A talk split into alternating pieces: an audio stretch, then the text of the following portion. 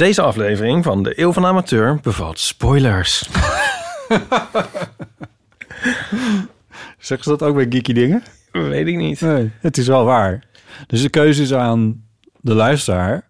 Ja, specifiek spoilers voor de serie It's a Sin. It's a Sin, nieuwe serie die, op, eh, die eh, bij de, op de dag van publicatie van deze podcast, vrijdag 5 maart 2021, online komt bij NPO Plus.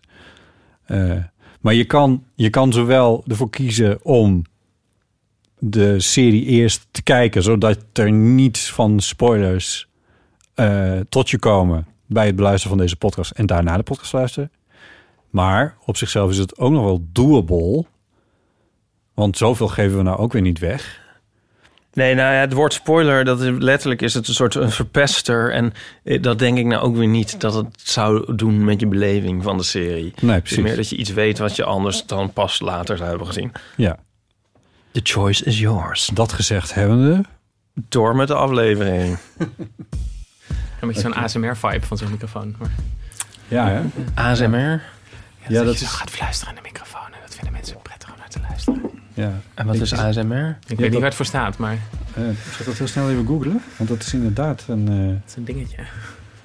Ik dacht dat het een soort verzekeringsmaatschappij klinkt. Dus ja, maar Ja. het staat voor... eh, Autonomous Sensory Meridian Response. Ah ja. Oké, nou laat maar. Ja, nou, maar dat was, Het ik is weet wel nog goed zo. of het nog steeds een ding was. Maar dat was inderdaad dat mensen met een, Mhm. met, met, met, borst, met een borstel door hun haar gingen. Ja, precies. en, En een beetje zo fluisteren, toch? fluisteren inderdaad. Ja, en dat dan, eh, dat dan helemaal oppompen uit, eh, uit de microfoon. Ja, ik heb een hele grappig gezien dat Paris Hilton dat deed. Dus dat zo'n verhaal te vertellen over dat ze vroeger heel erg gepest werd. En dat verhaal was heel grappig, maar omdat het zo... Dat is ook een beetje een soort raar... Dat een beetje een soort erotische vibe ligt er dan overheen of zo. Dat vond ik wel heel gek. En dat is een verhaal te vertellen dat ze haar vroeger altijd Oh, ja. eh, eh, uitscholden voor... eh, wat was het nou? Ze heet dan Paris Hilton en dan noemen ze haar London Marriott. London Mer- dat vond ik, dat vond ik dus best wel grappig. Marriott, dat is wel grappig. Maar dat past er ook weer niet helemaal met dat soort verhaal zo.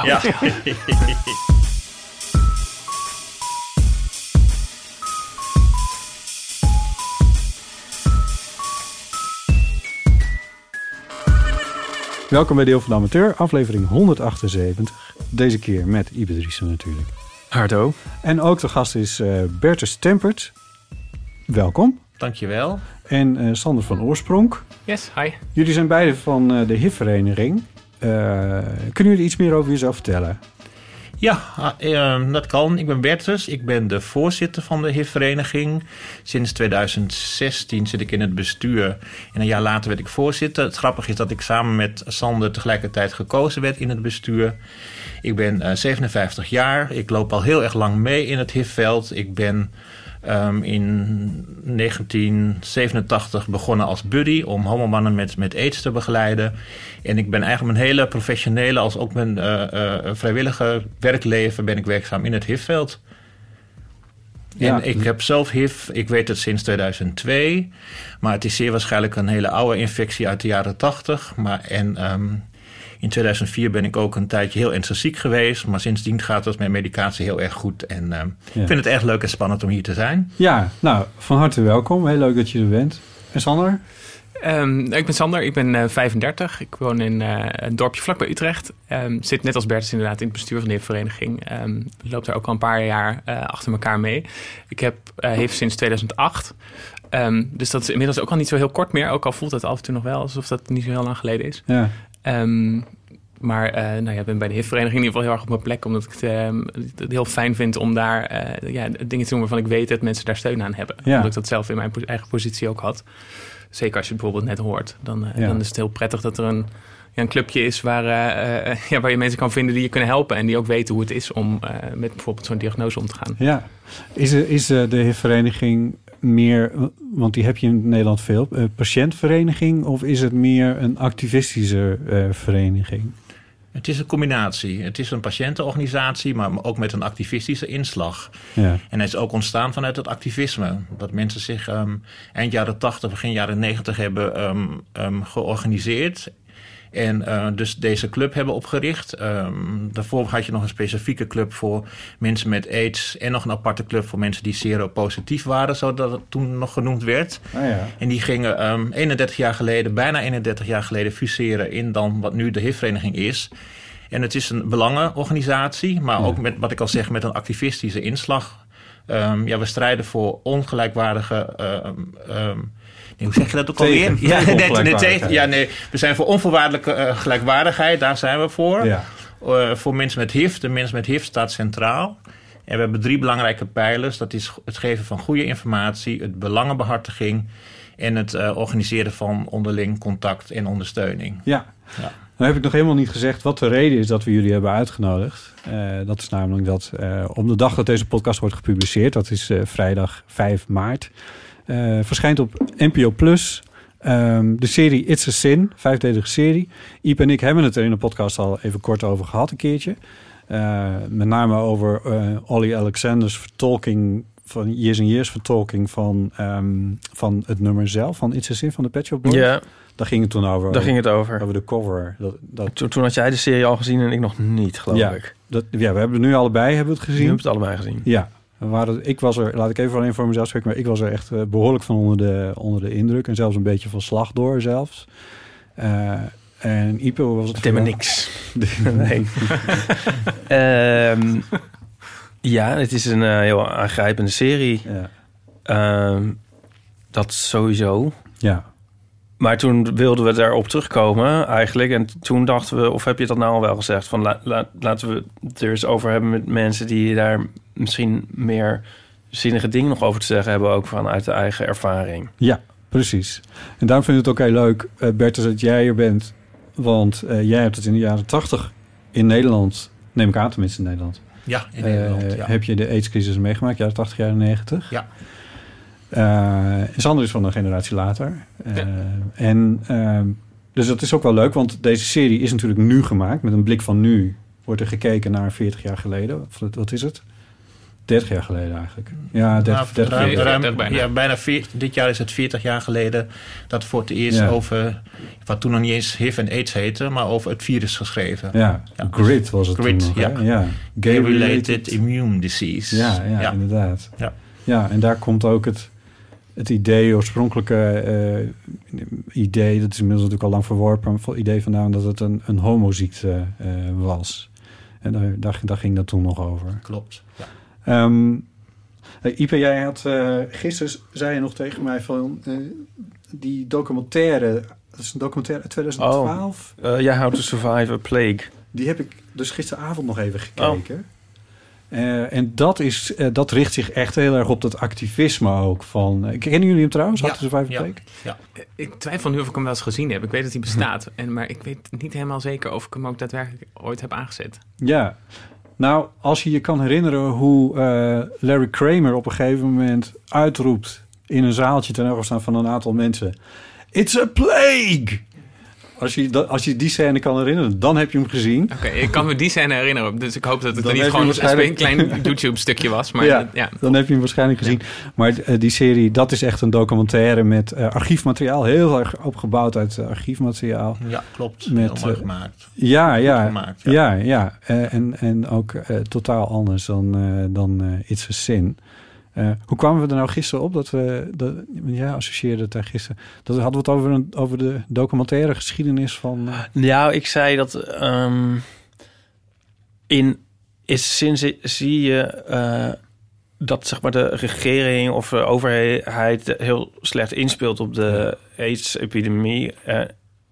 Of ja, dat, dat, dat eigenlijk gewoon niet echt prioriteit geven. En nu natuurlijk met corona is het wel de hoogste prioriteit.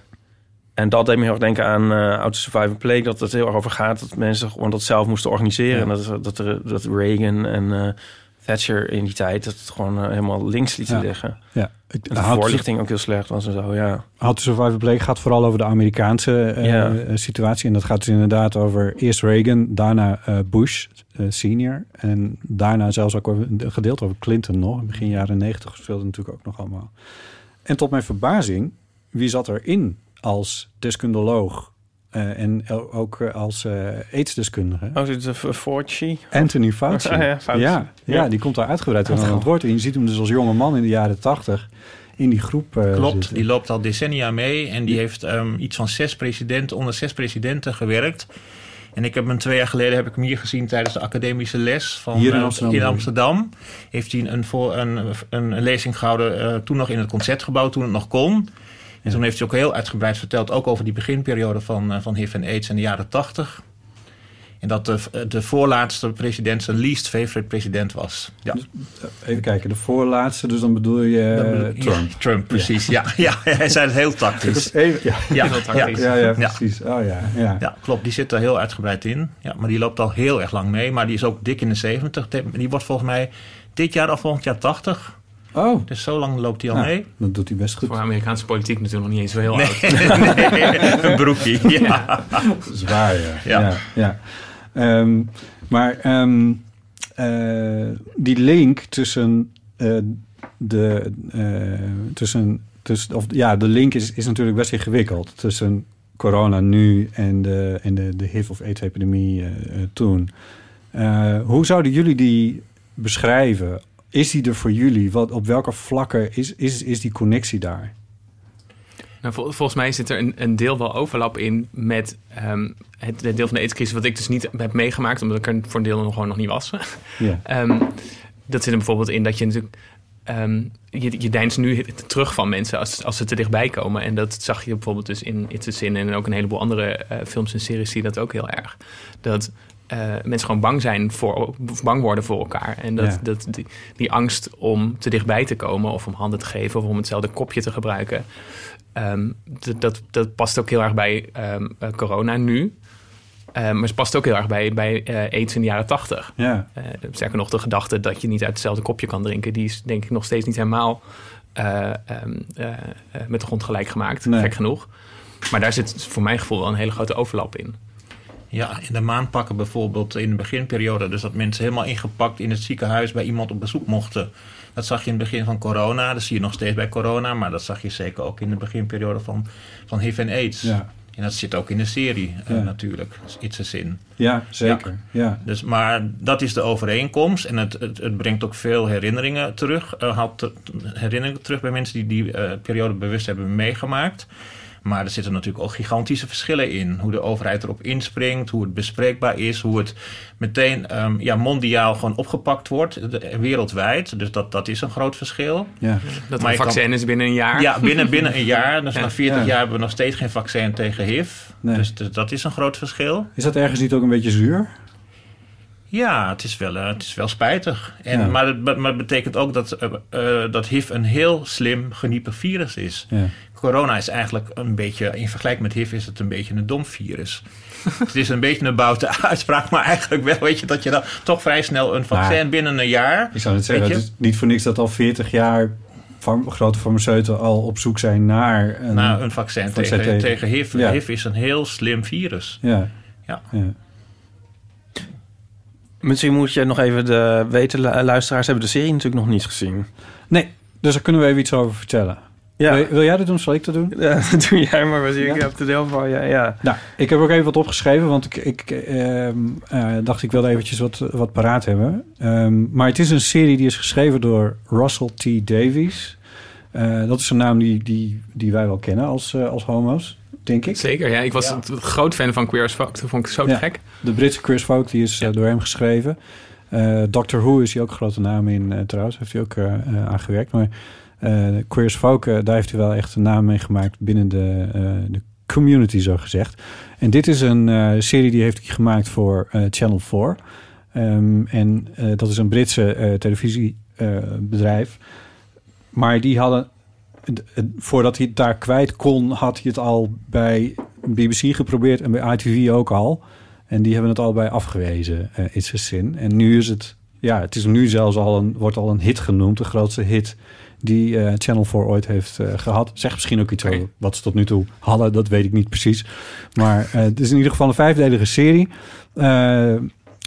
Davies had het ooit bedoeld als achtdelige serie. Dus het is ook al een stuk kleiner geworden dan het, dan het oorspronkelijk was. En het gaat over een groep jonge LHBT-vrienden die in Londen wonen. Eh, en het speelt van 1981 tot 1991. En we zien hun extravagante leven. eh, hoe ze ontsnappen aan hun homofobe thuissituaties. En in Londen leven ze zich feestelijk uit. Maar al heel snel komen dan ook de berichten over een afschuwelijke ziekte. Die met name homo's lijkt te treffen. Eerst weten ze niet zo goed wat het is en ze ontkennen het. Maar het heeft wel een grote impact op hun leven. En ze worden er bang voor. En dan gaan ze uiteindelijk toch wel op zoek naar informatie. En gaan de barricade ook op. En krijgen er dan ook zelf mee te, te maken. Ehm, nou, de hoofd, een van de hoofdrolspelers is eh Ollie Alexander, de zanger van Years and Years, een Britse acteur. Eh, en verder is- er, eh, hij speelt eh, Richie, een eh, jongen eh, die van een, een van die Britse eilanden komt in het kanaal, eh, de Isle of Wight, volgens mij. Ja, Of- Isle of Wight, ja. Right, right, Ja. wat is Ehm, en dan heb je Roscoe. Dat is een, eh, een donkere jongen die uit een Nigeriaans gezin eh, komt. Met een vader die zeer gelovig is. Eh, en dan heb je Colin, die een wel ja, licht onnozele indruk maakt. Ik zal het maar gewoon een beetje zeggen. maar goed, die... eh, die is, genoeg, gek genoeg was dat mijn favoriet. Oh, ja. ja. Ja, Ja, het is, hij is heel, hij is heel Ja. innemend wel. Het is heel water. Ja, en, maar de- en dat accent Stil ook, daar was ik echt Ja. helemaal van, Ja, dat helemaal van, waar, van ja. het padje af. Ja. Ja. Prachtig. Ja. Wat voor accent is dat ook weer? ja, Welsh. Jawel, ja, hè? Het is, het is een wild, ja, hij komt uit eh, Wales. Ja, En dat was nog specifiek South Wales, Ja. dat misschien ook nog heel veel verschil maakt. ja. Ja. En eh, hij, hij gaat eh, in eh, Londen... Richie die wil acteur worden, die doet een acteursopleiding. Eh, Roscoe is vooral Roscoe, geloof ik. En, en, en, en op een spetterende manier. Ehm, en Colin die is eh, in opleiding bij een kleermaker. Die heeft een baan bij een, bij een kleermaker. Een hele ouderwetse kleermaker. Ja. Zeer ouderwets. Zeer, zeer conservatief. Vrij dubieus Ja. typetje ook. Eh, en dan is er nog eh, een belangrijke rol voor eh, Jill Baxter. Dat is een dame die Richie tegenkomt bij zijn acteursopleiding. En zij wordt ook een van die vriendenclub die in dat huis gaan samenwonen. Had ik dat al gezegd? Ze gaan met z'n vijf in dat huis wonen. En de, de, de, laatste die ook in dat huis woont, dat is Ash. Met Indiaanse achtergrond. En dat is ook een hele mooie en lange, donkere meneer. Die Ja. heel, heel charmant eh, vond. Ik, vind, ik vond het allemaal best wel mooi. Ik weet niet of, of Colin nou precies mijn eerste was, maar het had gewoon allemaal mooie mensen. Hadden ze er. eh, Ja, in ieder geval wel, wel, wel sprekende mensen of zo. Dus was natuurlijk niet allemaal per se eh modellen knap of zo, maar wel Nee, allemaal precies. heel innemend en charmant en daardoor ook wel weer heel aantrekkelijk. Ja, Ja. ja, ja, En dat vond ik ook wel een sterke keuze. Want, eh, nou, ik zat die documentaire dus gisteren te kijken. How, How to Survive a Plague. Mm. En dan zie je...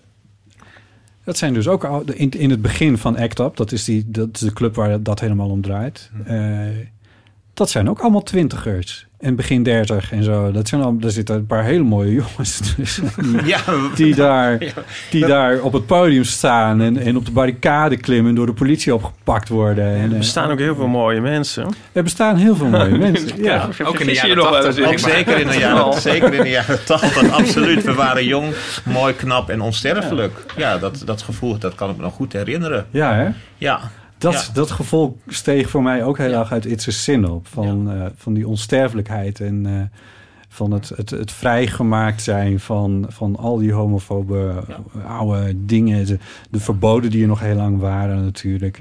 Eh, dat was allemaal net een beetje opgelost. Je had Stonewall net een tien jaar daarvoor. Wat is het? Iets meer? Een acht- Nou, 68? Ja, dan zit je, jaren 60. ja, dus 14, 15 jaar daarvoor. Ja. dus het, dus het, het werd allemaal wat, wat meer trotser. Larry Kramer die zijn Faggot schreef... met eh, daarin de, de, de, de explosieve New Yorkse eh homo-scene eh, natuurlijk. Ehm, en toen... En dan zie je, dat gebeurt in dit zin ook... in al die extravagantie beginnen dan langzaam de berichten binnen te komen... van een mysterieuze ziekte. Ehm Bertus, weet jij nog hoe jij dat hier in Nederland toen ter tijd... eh, Ja, nou, ik, was wel, ik ben onder de indruk van deze serie. Ik vind hem heel mooi gemaakt. En het geeft een goed beeld van, van de tijd eh, toen. Hmm. En ik zag heel veel parallellen. Van, ik eh, ging zelf in 1982 van een heel klein gehucht in, in Twente, Overijssel, studeren in Utrecht. Ik was 18 jaar. Welk gerucht was dat? Eh, Hoge Heksel, gemeente Wierden. Oké. Ja. En ehm, ja, ik ging studeren in Utrecht. Ik, ik was 18, ik kwam uit de kast. Ik ging uit naar de roze wolk. Ik ontdekte het homoleven. Ik ontdekte seks, liefde, vriendschappen. Dus die, de, dat, nou, die parallellen zag ik dus heel erg ook in It's a Zin. Dat, dus dat je naar de grote stad gaat en het leven ontdekt. Ja. En je bent waanzinnig mooi. Je gaat iedere avond uit en je danst en je versiert en je vrijt. Jouw leven leek Ja, op het leven ja, het van leek- het- Roscoe. en, Het, en, het, het leek er heel erg op. Ik, dat herkende ik heel sterk. En ehm, ik kom daarnaast ook nog eens uit een zwaar protestant christelijk milieu. Dus, dat, dat, dat- dus die link met, met, met, eh, met, met, ehm, met, met de donkere jongen, ik ben even zijn naam kwijt, Roscoe. Roscoe, ja, ja. Roscoe. Van, dat, dat, dat herken ik ook wel. Dus dat mijn ouders toch heel, heel erg vonden dat ik, dat ik eh, uit de kast kwam. Van, je had je het maar eerder verteld, dan hadden we met je naar een dokter kunnen gaan, zei mijn vader, was zijn eerste reactie om je te genezen. om het te genezen. Nou, dat, die genezing zat ook in, de, Ja. eh, in It's a Sin. Dus ik, het was ja, wat dat betreft een feest van herkenning. Ja. Maar, maar niet heus een feest, maar wel, wel, Ja. wel mooi om te van zien. herkenning. En ehm, ja, op een gegeven moment kreeg je dan, eh, als je het gaat over HIV en AIDS, de eerste berichten in de krant. Een heel klein berichtje ergens, volgens mij was het in de Volkskrant, van een geheimzinnige homoziekte. Eh, in Amerika, in New York en in, in Los Angeles. 30 man in één week overleden. En dan denk je, ach, het is heel ver weg. Het is in Amerika, het is niet in Europa. Maar ik, had, ik heb het wel altijd gevolgd. En op een gegeven moment kwam het ook in Amsterdam. De eerste, eerste persoon met, met, met, met AIDS in Amsterdam. En eh, dat was, dacht ik, 1982, als ik me goed herinner. En ehm, dan komt het al wel iets dichterbij. In die tijd ging ik ook al uit eh, in Amsterdam. En ik leerde ook man, mensen kennen in Amsterdam. Ik ging eh, mannen kennen in Amsterdam. En... ehm, ik heb me altijd heel erg eh, geïnteresseerd en ook ge- eh, geïnformeerd ook over het onderwerp van... nou, het, op een gegeven moment komt het naar me toe, dacht Ja. ik, van ik krijg ermee te maken. En ik ben dat altijd heel erg gaan volgen. Maar mag ik daar iets over vragen tussendoor? Want dat realiseer ik me ook bij... Want het speelt ook een rol in deze serie. Van hoe kom je aan informatie? Want dat was toen zo eenvoudig nog niet. We zijn nu natuurlijk ongelooflijk verwend met, met internet. Ja. Eh, ja, dat klinkt klinkt- als je het zegt, klinkt je meteen als een oude man. Maar het is wel, het is wel waar. In de zin van... Jill die wil dan op een gegeven moment in de serie meer weten... En die moet letterlijk vragen aan iemand die toevallig naar New York gaat: van wil je een bibliotheek induiken om te kijken of je meer informatie. Want in Groot-Brittannië lukte het kennelijk niet. In Londen, ook een grote stad, lukte het niet om aan informatie eh, te komen. Hoe, hoe was dat voor jou dan? Ja, dat was ook best ingewikkeld. En de eerste jaren nou, alleen maar in de krant, alleen maar via, de, via, via de, de geschreven media kon je gewoon wat informatie krijgen. Maar heel sumier. Ehm, ook pas in 85 is de Nationale Commissie AIDS-bestrijding opge, op, opgericht. En het AIDS-fonds begon toen, eh, is opgericht in dat jaar. En toen kreeg je langzamerhand wat meer informatie. En ook vanuit de overheid dan de eerste folder. Maar met heel sumiere informatie. En ja, en tegelijkertijd was dat ook een beetje van, nou dan komt het toch nog niet te dichtbij, want eh, het, is nog heel weinig over bekend. En ehm, dus je weet niet hoe je kunt krijgen. Was, dat was nog niet heel erg duidelijk van wat je er tegen kon doen. Was nog niet heel erg duidelijk van. Dat werd wel gezegd van. Nou, ehm, ja, je mag niet neuken. Kontneuken werd afgeraden. Dat was ook al vrij snel een van de boodschappen. Ik kan me nog heel goed een poster herinneren met een foto van, eh, gemaakt door eh, Robert Mapplethorpe van hele mooie zwarte billen. En dan stond op exit only.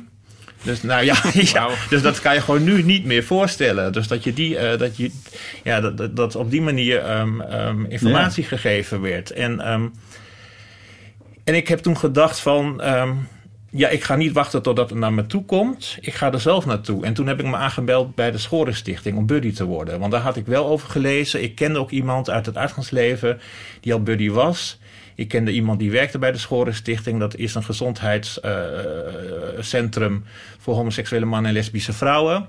En die zijn ook in 85 een buddy-project begonnen om mensen met HIV en AIDS te ondersteunen. Hoe oud was je toen? 23. Ja. Maar Ja. zoals je het nu vertelt, klinkt het bijna alsof je meer nieuwsgierig was dan dat je bang was. Ja, dat klopt wel. Ik was niet zozeer bang, wel nieuwsgierig en geïnteresseerd en heel erg benieuwd van wat is het. En ik heb altijd wel een soort, ehm, ja, hoe zeg je dat, drive gehad voor ehm, mensen in moeilijke posities. Mensen die het lastig hebben, mensen in de verdomhoek. Dus dat ik me daarvoor wil inzetten. Dus op de barricade voor mensen die het minder hebben. Dus dat was ook een beetje mijn, ja, mijn sociale kant, om het maar zo te zeggen. Van eh, altruïstische kant.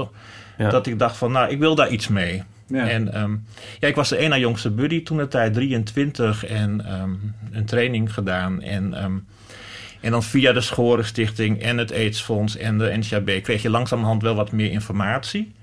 Maar er werden ook eh, landelijke tv-acties en eh, programma's eh, gehouden over HIV en AIDS, net als nu met, met corona. Dus de, de, dus de facts en de, de, en de feiten en de fabels over, over HIV en AIDS, nou, hebben, hebben we toen de tijd ook gehad. Ja, wat, wat voor programma's waren dat dan? Ja, een beetje hetzelfde van nou, wat is het en, en eh, hoe kan je het krijgen, wat kan je er tegen doen. En er was nog heel veel onduidelijk. Ja. En dat wa- was toch een beetje omgeven met, ja, met, met, met, met heel veel.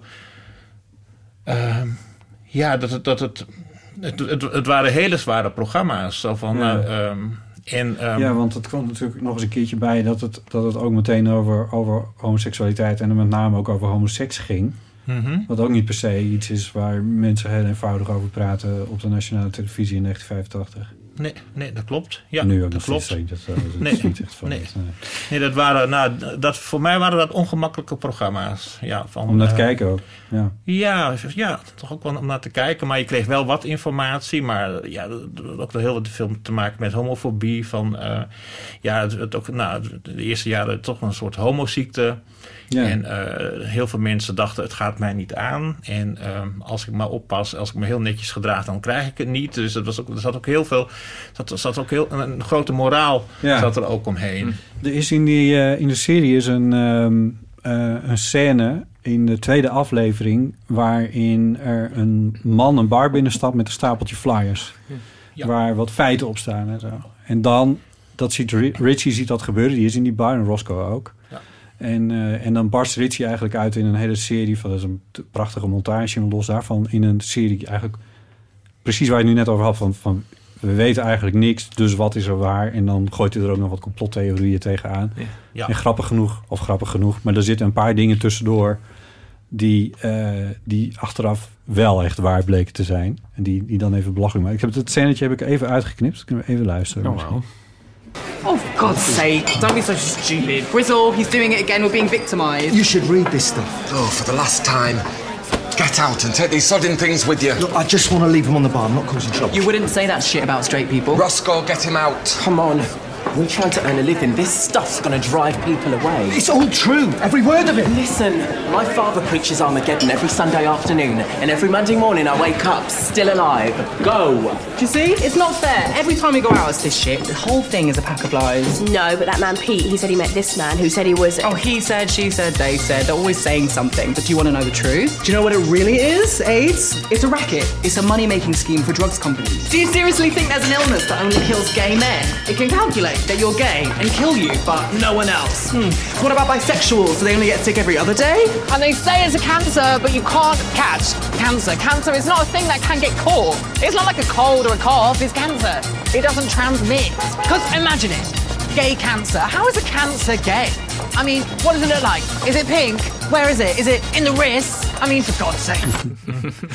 Ja, en op een gegeven moment... eh, eh, ja, dan zou er een... En dan zegt hij ook dingen als van... Er zou een eh, patient zero zijn die dan eh, flight attendant is. En zo gaat hij door en door. Terwijl dat blijkt achteraf inderdaad... Patient zero bleek een, een, eh, een steward. Ja, te- Canadese steward, ja. Ja, dus, dus er zaten ook wel wat dingen tussen die dan uiteindelijk gewoon wel, wel waar bleken te zijn. Maar ehm, jullie moesten ook een beetje lachen toen we, het, toen we aan het luisteren waren, want het is wel herkenbaar. Nou, volgens mij moesten we vooral even zo'n blik uitwisselen toen het ging over het complot van de farmaceutische industrie. Dat het vooral bedoeld is om, eh, Ja. om heel veel geld aan te verdienen. Ja.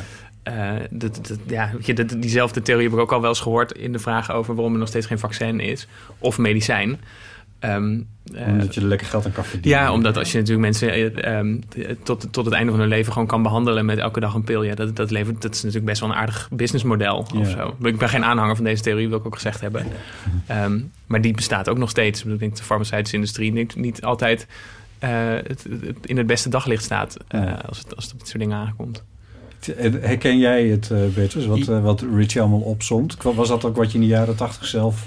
Ja, van, eh, van, nou, van nou, nou, de- die Patient Zero, de, de- de- die kan ik me nog heel erg goed herinneren. En dat het, eh, dat het eh, uit Afrika kwam, van apen, dat was een van de... Ja, dat de- zegt hij op een ja, gegeven moment dat- ook Ja, zegt hij ook. Ja. Dus dat, dat was een, een theorie. En of dat het in een laboratorium ehm, ehm, ehm, eh, gecreëerd is. Ja, dat is wat we met corona weer te horen hebben gekregen. Ja, een soort homoplaag om dan de homo's te elimineren. Straf van God hebben we ook heel veel gehoord. Uit de religieuze hoek Ja.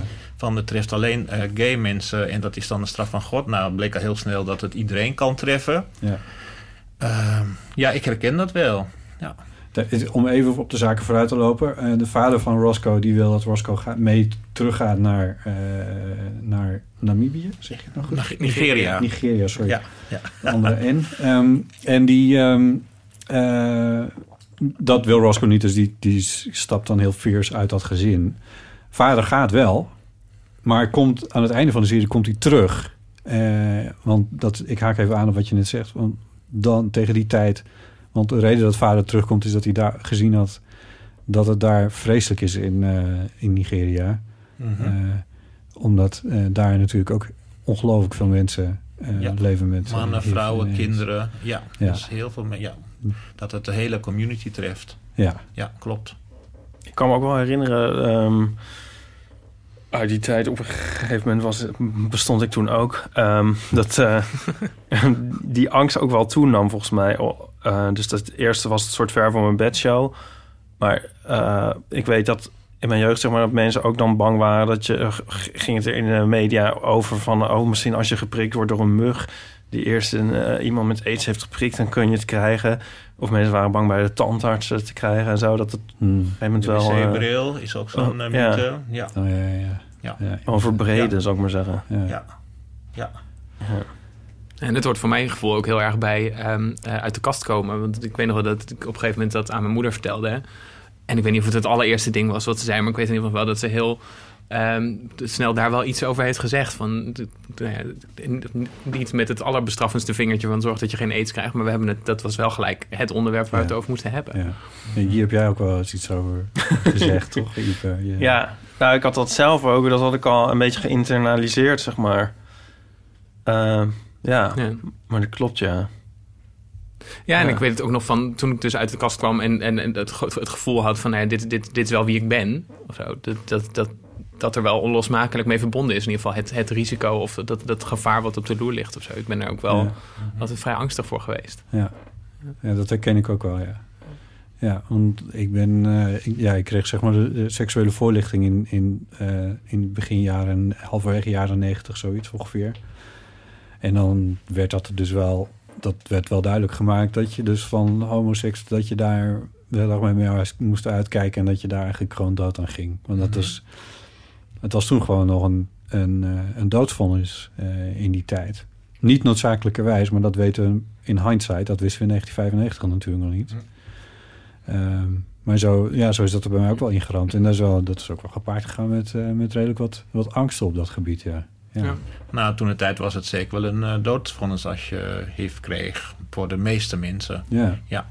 Die, die Peter Stanley, die in eh How, to, How to Survive a Plague... Die, eh, die zit, die, dat, een van de knappe jongens uit die, eh, uit die documentaire. Die, eh, die zegt op een gegeven moment... Wordt hij, wordt hij op de man af door een, door een televisieinterviewer... wordt hij gevraagd van... denk je eigenlijk dat jij dit nog gaat meemaken? Dat daar een medicijn komt? Want daar zijn ze de hele tijd Mhm. mee bezig... om het met die medicijn uit te zoeken. En te zeggen van nee, nee, dat ga ik niet meer meemaken. Nou, En, hij, eh, hij liep twee jaar geleden mee in de Positive Flame Tour Ja. tijdens eh, de internationale Ja. AIDS-conferentie Ik heb hem gisteren op, eh, op Ja. Instagram toegevoegd. Ja. Dus dat was, Ja. ja. Hoe cool is dat? Ja, Ja. Alive and. Kicking. Ja. Ja, want hij was wel een van degenen die toen, die toen ze die cocktail ontdekten... Mhm. Hij was erbij dat dat gepresenteerd was. En hij zei, we gingen, we gingen met ons clubje naar huis. En we hadden de basisingrediënten voor die cocktail... die hadden we allemaal in huis. Mhm. Vanaf toen zijn wij die cocktail gaan nemen... zoals het op die spreadsheet, of wat was het in die tijd, werd gepresenteerd. Mhm. En hij zei, binnen 30 jaar was, waren we aan die, binnen 30 dagen eh, waren we undetectable. Ja. eh, zoals het Mhm. heet. Ja. Bizar. Ja. Ja, het- die documentaire is echt een aanrader. Hij staat gewoon ergens op YouTube ook wel te zien. Dus eh, wie dat wil zien, dat is ook wel... Maar goed, we waaien weer een beetje af van, eh, van It's a Sin. Want Ja, hoe heb jij de serie bekeken? Ehm, nou, met veel plezier al was het maar vanwege de soundtrack die ik dus echt vond. Ehm, nee, ik herkende er heel veel dingen in. Ehm, ook wel hoe je, hoe, je, hoe je met bijvoorbeeld die angst en het gevaar, tussen aanhalingstekens gevaar, hoe je daarmee omgaat. Dus Mhm. er zaten ook wel dingen die ik ook heel erg van mezelf dus herkende over ja, het, het idee dat je het wel zou kunnen krijgen of zo. Hmm. Dat, dat, dat kwam wel heel erg binnen. En wat ik er heel mooi aan vind, en dat is dat ik ben sowieso altijd een beetje een zakker voor ehm, soort activisme en collectief eh, opstaan voor belangen in films. Er zijn, zijn een aantal Britse films die daar echt enorm, ehm, die me altijd enorm in mijn hart raken. Pride is er bijvoorbeeld ook zo een. Ja. Ehm, Nou, in zijn algemeenheid was Groot-Brittannië wel een goede voedingsbodem voor activisme. Zeker, zeker. Ja, bij, bij Pride bijvoorbeeld, als aan, aan, aan het eind dan al die busladingen met mijn werkers dan zo bij elkaar komen om dan Ja. de Pride te openen. En daar dan, als ik het vertel, dan heb ik al kippenvel. En als ik het zie, dan moet ik dus echt genadeloos en onbedaarlijk janken. Maar dat had ik dus met It's a Sin ook in de scène dat ze op een gegeven moment gaan demonstreren. En die, eh, bijna die hele vriendengroep is erbij. Eh, op eentje na Richie, want die heeft, eh, ja, die, die- had iets anders. Ja. Ehm, maar op het allerlaatste moment is hij dan toch nou, weer kipvel. En dus toen ik het zag, moest ik ook helemaal, nou, lag ik er helemaal af. Ja. Mm. Ehm, en dat is wel een beetje wat, wat, ja, wat het met me deed. of zo. Het was wel- Ik vond het een enorme eh, rollercoaster aan emoties. En, en eigenlijk allemaal ehm, positief in de zin van... ik was er niet naar van, maar het was wel allemaal zo intens... dat, ik, eh, eh, dat het me echt wel wat gedaan heeft. Ja. Wat, wat maakt het voor jou dan intens? Want je beschrijft al van dat, dat gevoel van eh samenhorigheid in zo'n activistische groep. Maar wat was dat nog meer dan? Nou, het, het is. ehm, de, alle, alle mensen die erin zitten, die zijn ongeveer. ehm, gok ik, want het werd volgens mij uit de serie niet helemaal duidelijk. Maar het zijn ongeveer zo oud als dat ik was toen ik te horen kreeg dat ik, ehm, dat ik heb. En toen was ik 23. Wat, eh, is Dat best- klopt wel ongeveer, denk ik. Ja, wat ehm, ook weer in hindsight heel jong is. Ik vond mezelf toen natuurlijk extreem volwassen en, en, en wel klaar met, met opgroeien. Maar 23 is natuurlijk, stelt natuurlijk niks voor. Ja. En om dan zo te zien hoe, eh, hoe zij daar eigenlijk allemaal op een andere manier mee omgaan. Die allemaal een soort. Eh, die allemaal wel een element in zich hebben van hoe ik er ook mee omging. Dus, Hmm. Zo'n diagnose krijgen doet ook superveel met je. Dus er komt, er komt ehm, een soort, soort doodsangst komt er voorbij. Er komt een soort zorgen over de toekomst. Er komen vragen over... eh, ga ik ooit nog een partner vinden? Ehm, eh, gaan mensen het aan me zien? Zouden mensen me ooit nog weer een hand durven geven? Ehm, maar ook dat activisme, wat, wat bijvoorbeeld eh, Jill heel erg heeft. Mhm. Dat zat er ook heel erg in. En bij mij ook van, ik moet, ik moet iets doen. En ik, moet, ik heb me een half jaar daarna of zo bij de vereniging aangemeld als vrijwilliger. Ehm, en ik vond dat eigenlijk heel tof aan de serie. Dus dat, dat alle manieren om ermee om te kunnen Ja. gaan... ehm, variërend van het allerergste, dus, dus de angst voor... Nou ja, nu is het allemaal afgelopen, tot aan... eh, we staan op en we, en, en we eisen eh, eh, Ja. dat er medicijnen komen... en dat er goed voor ons gezorgd wordt. En alles daartussenin. Er zit voor iedereen denk ik wat bij. En voor mij herkende ik me zo'n beetje in het hele spectrum. Ja. En dat vond ik, dat, dat is te gek om naar te kijken. Nou, dat is strookt in dat opzicht met wat ik de- over heb gelezen dat Davies ermee gedaan heeft. Hij zei, van, hij zei over deze serie van ik heb nog nooit iets geschreven waar ik zoveel research voor heb gedaan. Mhm. Dus in dat opzicht. Is dat ook voor het eerst eigenlijk al in een serie? Of zijn er andere... ehm, zeg maar als het gaat over HIV en eh, AIDS in, ehm, ehm, in, in film en tv en zo... heb je, heb je vaker zoiets gezien? Of is het, is het baanbrekend? Nou, het, het, god, baanbrekend vind ik, vind, ik ook, vind ik ook wel weer zo'n woord. Ehm, ik heb ook Angels in America wel eens gezien. Dit is, zo'n miniserie die ook zes uur achter elkaar of zo duurt. Ja. Ja. Ehm, die natuurlijk heel kunstzinnig ook is of zo. Ja. die, daar heb ik denk ik ook wel om gehuild. Maar dat, dat was niet... ehm, om nog maar zo'n suf woord te gebruiken... dat was niet super relatable of Nee. zo. En dat was dit natuurlijk wel. Want iedereen is in begin twintig... heeft een groep vrienden en, en rommelt maar wat aan. Soms letterlijk en soms figuurlijk. Ehm, en dat vond ik... Dat, in die zin sprak het me meer aan... dan heel Mhm. veel andere dingen die ik heb gezien. Want... ehm, om nog maar even in het midden te laten of ik hem heb gezien, How to Survive a Plague. Ehm, eh, dat was Amerika en dat was dan weer een heel stuk verder en een heel andere wereld waar die ik ook niet echt heb meegemaakt. Dus Nee. in die zin eh voelde ik me wel erg aangesproken. Ja. Ja. Of zo. Ja. Kwam jij zelf ook eigenlijk... eh, was jouw achtergrond ook... kwam je ook uit een gelovige gezin of zoiets? Of was dat makkelijker voor jou? Of? Eh, ik ik kwam niet uit een gelovig gezin. Ik ben wel ehm soort van katholiek opgevoed. En ik heb ook nog wel, ik ben gedoopt en ik stond nog een tijd ingeschreven in de katholieke kerk. Daar heb ik dan zelf een einde aan gemaakt. Maar ik ben niet per se met de Bijbel opgegroeid. Nee. En ehm, uit de kast komen, daar is nog nooit het woordje God bij betrokken, zeg maar. Dus dat, dat viel mee. Ik heb fantastisch leuke ouders en een vast- fantastisch leuke familie. Dus dat, ehm, dat niet echt. Maar ik had tegelijkertijd wel het gevoel toen ik het huis uitging... eh, ik ging vanuit, ik ben in Apeldoorn opgegroeid en ik ging in Zwolle studeren. Nou jongens, het valt allemaal reuze mee, maar ik, dat voelde toch als een soort, Ja. nu, nu ga ik de wereld in. of Ja, zo. En, ja. dat, nou ja, eh, met allemaal Amsterdammers aan tafel wordt er natuurlijk heel hard om gelachen, maar Nou, valt dat- ehm, dat, voelde, dat voelde toch in een beetje zo. en die Groningen gestudeerd, dus ik denk dat ik Ja. het wel snap. Ja. Oké, goed. Dat voelde toch een beetje zo als, als eh, nu, nu, gaat het, nu gaat mijn leven beginnen of nu gaat het echte leven beginnen. Maar tegelijk hebben wij dan denk ik nooit ehm, de tijd voor HIV meegemaakt. Eh, Dat is er nooit niet geweest, bedoel je? Ja. Ja, ja dat klopt. Dat, Mhm. dat, dat, Ja. dat, dat, dat heb jij dan weer, eh, Bertus. Ja, nou, nog even over de serie. Ik vond hem heel mooi gemaakt. Echt een, pracht, een prachtige eh, productie. Het is, ik herkende heel veel aspecten erin. Ik denk dat het, hij ook vrij compleet is. Het, het, het activisme zit er wel duidelijk in. Ik hoor wel kritiek van mensen dat dat er meer in gemoeten had. Maar ja, het is ook een keuze, denk ik. Van, ehm, ja, als ik dan toch een kritiekpuntje mag eh, hebben op de, op de serie... is dat het de werkelijkheid veel heftiger was. En mensen met HIV in, de, in het laatste stadium... die zien er gewoon niet uit als een acteur... die een beetje ge- vermagerd in een bed ligt... en eh, slecht gesminkt is. En ehm, ja, dat, daar moet ik zelf soms een beetje om grinniken. Van, Ja. ehm, Je kon ook wel heel goed in make-up zien zitten. ja, Dat- dat- ja. dat is op zich wel weet je hoe je kaposi zou komen? Dat is, blijkt heel moeilijk na te, na te maken, gewoon voor een film. Weet Ja. je? En gewoon, de, gewoon de, de vlekken gewoon in de huid. De, de, de paasrood, bruinige vlekken in de huid. Dat kan je bijna niet sminken. En als je weet hoe dat eruit ziet, dan, dan, ja, dan ja, dat, ja, dat, dat, dat haalt het niet bij de realiteit. En Die realiteit die heb jij wel gezien. ja, die heb ik heel duidelijk gezien. Ja. En eh, dus, eh, ja, dus ja, mensen zijn heel erg uitgemergeld, broodmager. Echt, dus, je moet denken aan beelden van mensen die bevrijd zijn uit de concentratiekampen Hmm. eh, na de Tweede Wereldoorlog. Dus dat beeld. En, Ja. ehm, Het- en dat van hele jonge mensen die heel snel heel ziek worden. Dus van begin twintigers en die binnen, binnen, binnen no time eh, veranderen in, in hele oude, uitgemergelde mannetjes Ja. of, eh, of wezens. En ehm, ja, dat is heel moeilijk te vangen in zo'n, in zo'n film. Ja.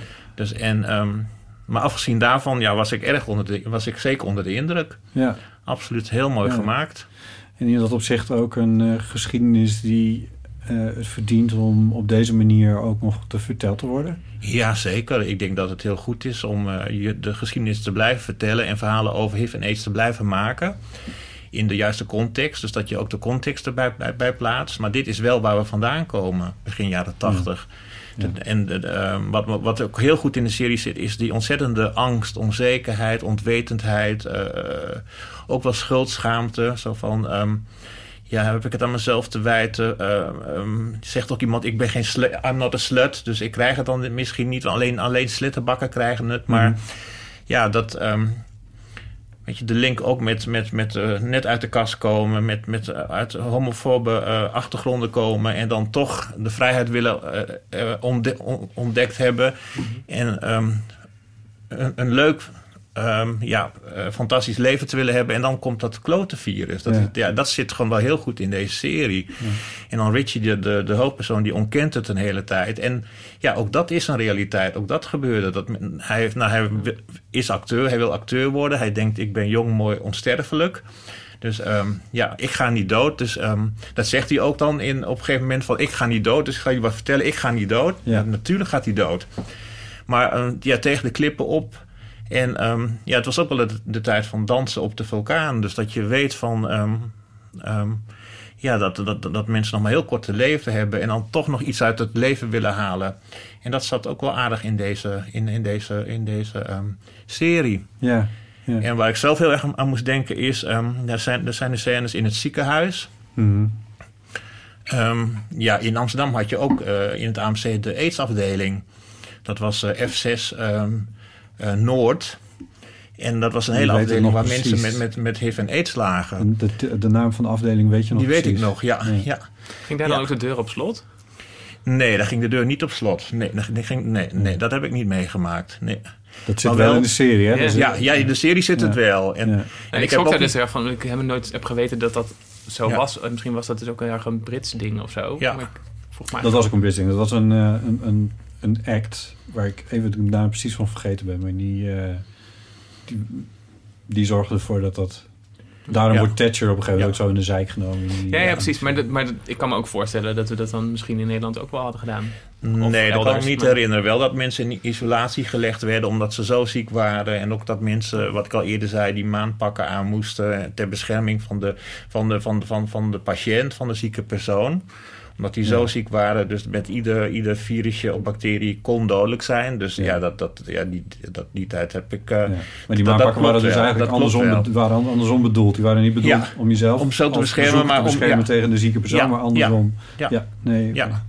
Ja. En, ehm, en eh, ook wel de, de, de, de, de, tijd van solidariteit en voor elkaar zorgen. Want ik vond het vaak heel stil op die afdeling. Dus, en dan liep je langs naar, naar iemand toe en dan zag je gewoon dat de deur op een kier stond. En dan zag je gewoon mensen afscheid nemen, mensen heel ziek zijn. Dat- En, ehm, ja, er heerste gewoon een hele soort serene eh, stilte. En ehm, ja, dat, dat zit ook in de serie. Maar ook mensen, buddies die langskomen, families die langskomen met, die langskomen met eten. En dat je elkaar ondersteunt. Dus dat, dat, dat, dat, ja, dat herken ik nog wel van de tijd in, eh, in Amsterdam. Uit, de uit, Ik kan me uit- voorstellen dat jij dan 24 bent, of 23, 24, dat je daar dan naartoe gaat en, en daar die uitgemergelde personen met, met, met afschuwelijk zieke personen, Ja. met eigenlijk, ja, dat komt niet meer goed. Ja, dat was he- heel heftig. En ehm, ik heb me ook wel eens afgevraagd... hoe heb ik dat gewoon eh, overleefd en doorgemaakt? Dat Ja. weet ik eigenlijk niet zo goed. Ook, ehm, ja, ik had ook zoiets van... er is geen tijd te verliezen. Je moet gewoon nu mensen ondersteunen. Je moet nu bij iemand zitten. eh, want eigenlijk kon je helemaal niet zoveel doen. Want mensen werden zo snel ziek en overleden ook zo snel. Ehm, nou, in de serie zit ook eh, dat mensen dement worden. Van, nou, ik heb ook twee jongens begeleid die allebei dement en blind werden. En dat de een ook zei van, nou, met blindheid kan ik nog wel le- leven, maar ik ben bang dat ik gek word, Bertus. En eh, dat is, ja, daar kan ik niet mee leven.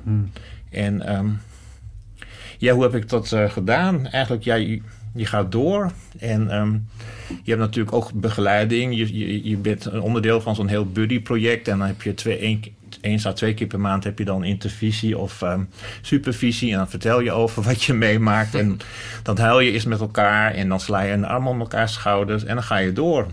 Je krijgt wel professionele ondersteuning daarbij.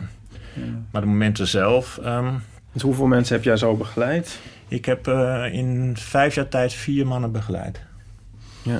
Ja. En begeleiden, dat betekende dan ook tot niet wekelijks, eh, wekelijks soms tot twee keer per week op bezoek gaan. Ja. En dat ligt ook aan... De eerste twee, die, ja, die werden allebei heel snel ziek. En ehm, heel ernstig ziek ook.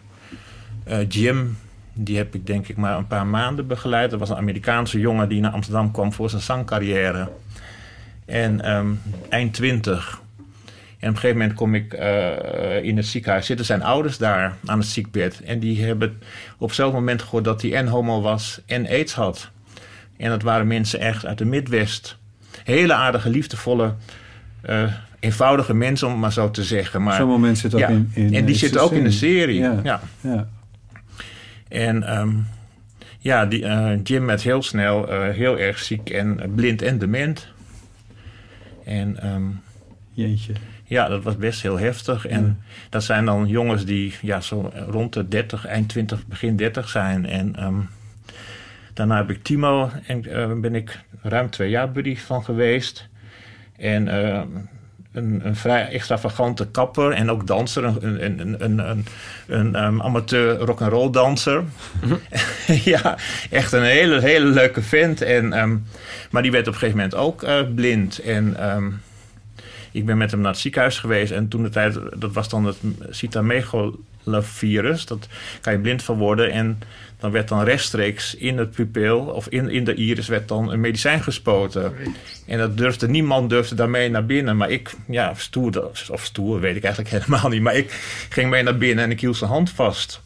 En ehm, ja, en, dat, dat, en dat, dat, eh, dat rekte een klein beetje. Weet je, dat vertraagde het, het proces van blindheid een klein beetje. Maar echt helpen deed het natuurlijk niet. En ehm, hij was altijd heel erg actief en eh, sportief. En op een gegeven moment was hij blind. En ehm, nou, hebben ik kan me nog herinneren dat, dat we rondjes Vondelpark gingen doen. En dan bond hij een touw om mijn middel. En dan moest ik voorop lopen en hij achter, achter me aanlopen. En nou, ik ik loop een beetje scheef, ik heb iets aan mijn voet. Dus het was eigenlijk een beetje de lamme leidt de blinde. Dus je, je hebt ook best hele leuke of wel bijzondere eh, situaties die je dan samen meemaakt. En ehm, ja, hoe heb je dat eh, allemaal gedaan? Ja, je je deed het eigenlijk.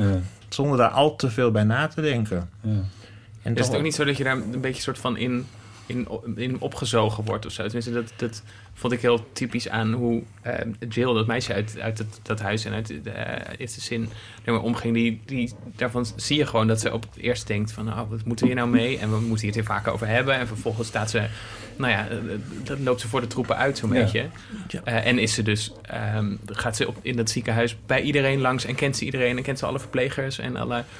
ehm, dat, dat gaat een beetje vanzelf of zo. Of dat- ja, dat- het, ook vanuit het gevoel van solidariteit en verbondenheid. Van, eh, het was toch wel heel erg van, ook vanuit de gay community. Ik kan me ook nog heel veel lesbische vrouwen herinneren... die zich enorm in gingen zetten voor, voor hun homoseksuele broeders met, met HIV en AIDS. Dus het was toch een soort van gezamenlijkheid en ehm, samen op de bres staan... Ja. en ehm, mensen niet laten stikken. Nee. Want er zaten ja, ook gewoon hele nare verhalen bij van mensen die wel door hun familie uitgekort werden. Of waarvan partners niet op begrafenissen mochten komen. Of mensen die hun huis uitgezet werden. En eh, ook dat is allemaal gebeurd. Ja. En dat zit ook allemaal in de serie. Ja.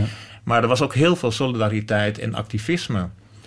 En eh, dat, komt, ja, dat heeft deels zijn wortels in de homobeweging. Ja. Voor een groot deel zelfs, denk ik, durf ik wel te beweren. Ja, ja, dat denk ik ook. Ja. Maar het is leuk dat je de, of mooi in ieder geval, dat je de, de, de lesbiennes noemt. Want de, dat herken ik ook uit eh How to Survive a Plague. Daar zitten ook veel vrouwen in die, eh, die meestrijden. Eh, en ook Ja. eh, in eh, The Great Believers, een prachtig boek dat in 2018 is uitgekomen, wat over de situatie in Chicago gaat. Ja, heel mooi. Waar ook een paar, paar vrouwen een heel sterke Ja. rol, rol in spelen, of ze nou hetero Ja. of, of homo zijn, inderdaad. Ja. Ja, stom toevallig komt mijn echtgenoot uit Chicago. En ik vond, nou, ik vond het boek geweldig. En ik herkende heel veel plekken uit dat boek. Oh ja? Echt, zo, echt geweldig. Ik ja. kreeg zin om er een keer naartoe te ja, gaan. ik ben heel vaak in, in, Chicago geweest. Ja. ja, maar dat, die, dat, dat, boek, dat boek is ook echt wel een aanrader. Speaking of which trouwens, want misschien is dat wel leuk... want we hadden één eh, berichtje nog op onze voicemail ook gekregen... eh, van Tom die eh, ons in deze setting graag een vraag wilde stellen. Ik heb de serie onlangs gekeken. Ik heb gelachen. Ik heb ontzettend veel gejankt. En ik ben vooral enorm van alle hoofdpersonen en de meest van de bijpersonages gaan houden. Eh, en het was voor mij ook wel een beetje een wake-up call. Dat van, goh, ik weet eigenlijk heel weinig van hoe dat in Nederland is gegaan. Dus eigenlijk twee vragen. Hele simpele. ehm, is hoe de ontwikkeling van weet je, de, de epidemie en hoe dat ging in Engeland, zoals we zagen, in die zin vergelijkbaar met hoe het in Nederland ging. En vooral welke films, welke documentaires of welke series zouden jullie aanraden om het meer over de Nederlandse eh, HIV en AIDS geschiedenis te, te weten te komen? Nou, ik ben heel benieuwd. Groetjes. Nou, over hoe het toen was, hebben we je net, Bertus, eh, gehoord. Maar eh, het is waar, want we hebben nog een al een aantal voorbeelden genoemd van andere verhalen, fictie dan wel eh, documentaire verhalen die over eh, de AIDS-crisis zijn gemaakt, genoemd. Maar veelal toch uit eh, Amerika of uit Groot-Brittannië. Hoe is het in Nederland eh, gedocumenteerd? Of... Ik kijk angstvallig, angstvallig Ja. naar Bert is in de hoop dat hij iets weet. Maar ik, Nou ja, dat is, nou, dat is vrij dun bezaaid. Om, en dat is een understatement, denk ik. Van, is begin dit jaar is er een film. Maar, dit- maar dat, dat gaat over de Groningse HIV-zaak, Feast. Weet je, over Oh, ja, ja, eh, dat, ja, ja. De, de periode van 2007 Ja, maar ja, dat is eigenlijk tot 2000, gewoon- maar dat is veel later. Ja, maar maar over, dat- de, over de beginperiode... ehm, ik moet heel, nee, ik, ik kan ze niet... Ik ken ze niet. Nee. Nee, nee. Zou Michiel van Erp een keertje achteraan moeten, volgens mij. Ja, ja, absoluut. Ja. ja. Ipe, heb jij er nog associaties bij? Nee, het enige waar ik nu aan denk is dat boek eh Mystiek Lichaam van eh Ja. van Skellendonk. Wat, wat in, eh, in die tijd speelt, wat het wel, waar het wel in zit, zal ik maar zeggen. Ja, waar het in zit, ja. Maar niet, al, hem niet, niet als do- gedocumenteerd of zo, nee. Nee. Nou, je hebt, de, je hebt de documentaire de tijd daarna. Dus gewoon een aantal portretten van mensen met HIV. Dus er zijn wel een aantal portretten. En, en er zijn nog een aantal kleinere producties waarin mensen met HIV gefilmd worden. En die zijn ook op nationale tv geweest. En de tijd daarna is er daar denk ik zo'n beetje wel de bekendste van. Maar dat is ook al niet heel erg over de beginperiode. Het is toch hoe mensen, ja, toch ook wel over de beginperiode. Mensen die al heel lang HIV hebben. Dat is ook een Ja. boek van de tijd daarna. Dus, Hmm. ehm, Ik heb wel trouwens, nu ik erover nadenk, volgens mij een documentaire op tv gezien over de KLM en. Ja, ja. Hoe heette die? ja, ja. Ja, het was Klopt. volgens mij een, Ja. een, een, een aflevering van Zembla-achtig iets, volgens mij. Maar dat, ehm, Oh ja. dat ging wel inderdaad wel een beetje over de vraag eh, welke, welke rol de, de, de KLM in de verspreiding had gespeeld. Dus Ja. ik, vond het, ik weet dat ik het extreem suggestief vond allemaal. Maar AIDS dubbele punt, vluchten kon niet meer. Heb ik snel gegoogeld. Een tweedok, dus het was al een documentaire. Ja, ja, die kan hem ook nog Van oud-KLM-medewerkers. Ja, Die dat een soort, soort, soort ja, hm, ja. ja, klopt. Ja, die was ik, even, was ik even vergeten. Ja. ik denk ook niet dat we 2012. die bij de HIV-vereniging in de, in, de, in de promotiekast hebben staan. maar dit weet ik niet helemaal zeker. Ik denk dat hij al heel lang is uitgeleend. Ik weet het niet. Nee, nee, ik weet het niet. Ja. Nee. Ehm, waar, ik, het- waar ik het volgens mij eh, ook nog wel eventjes met jullie over wil hebben... is ehm, wat het betekent dat deze serie, It's a Sin... dat die eh, nu is uitgekomen. Want hij gaat natuurlijk over de jaren 80, begin jaren 90. Ehm, maar het is niet documentair. Het is een verhaal wat nu wordt verteld... en verhoudt zich in dat opzicht ook wel eh, tot, eh, tot deze tijd... Ehm, en daar moet ik ook een beetje aan denken, omdat er in de laatste aflevering zit, een, zit die scène waarin Jill met de moeder van Richie op een pier staat op dat eiland. En daar wordt nogal wat gezegd. Zal ik, het, ik kan het even laten horen wat, eh, wat, daar, wat ze daar zegt. We weten dan op dat moment eh, dat Richie is over- Spoiler. overleden. Ja, is dat een spoiler? Het is wel een spoiler. Is het een spoiler? Dat maakt niet uit. In Ja. bijna alle stukken die er over dit, eh, deze serie Ja, geschreven zijn. Dus nee hoor. Het is Ja. nu al gezegd. Het is. Het is een spoiler, maar dat geeft niet. Maar Ja, is het een spoiler? Want ik bedoel, dat is toch ook wel... Je ziet dat toch van heel ver... Nou, nee, ik vond dat best wel de- een van de grootste twists van de dingen. Want ik dacht, ja, de hoofdpersoon die, die, die, die haalt natuurlijk gewoon straks 2021 nog. je weet zo. niet wie het haalt. En hij kondigt op een gegeven moment aan, eh, wat Bertus ook al zei, van Ja. ik ga het halen. Dus Ja. dan denk je van, oh, misschien is hij dan Ja. wel degene Ja. die het haalt. Ja. Maar ja, dan is het dus even toch een spoiler. Even kijken. Nou, eh, sorry. Ja.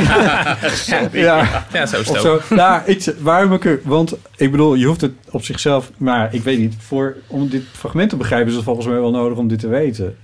Denk je niet? Nou, anyway, Ja. laten we even luisteren. Doe dan een kunnen we spoilerwaarschuwing. Vooraf. Were you with him? Yesterday. Were you there at the end? Oh, I'd gone downstairs. He was on his own. Yes, There was no one with him. That's not my fault. Actually, it is your fault, Mrs. Tozer. All of this. It's your fault. Well, thank you very much. That's ridiculous. But it is. Right from the start. Because I don't know what happened to you to make that house so loveless. But that's why Richie grew up so ashamed of himself. I think we're finished. And then he killed people. And what is that supposed to mean? He was ashamed. And he kept on being ashamed. He kept shame going by having sex with men and infecting them and then running away. Because that's what shame does, Valerie. It makes him think he deserves it. The wards are full of men who think they deserve it. They are dying. And a little bit of them thinks, yes, this is right. I bought this on myself. It's my fault. Because the sex that I love is killing me. I mean, it's astonishing. The perfect virus came along to prove you right. So that's what happened. In your house. He died because of you. They all die because of you.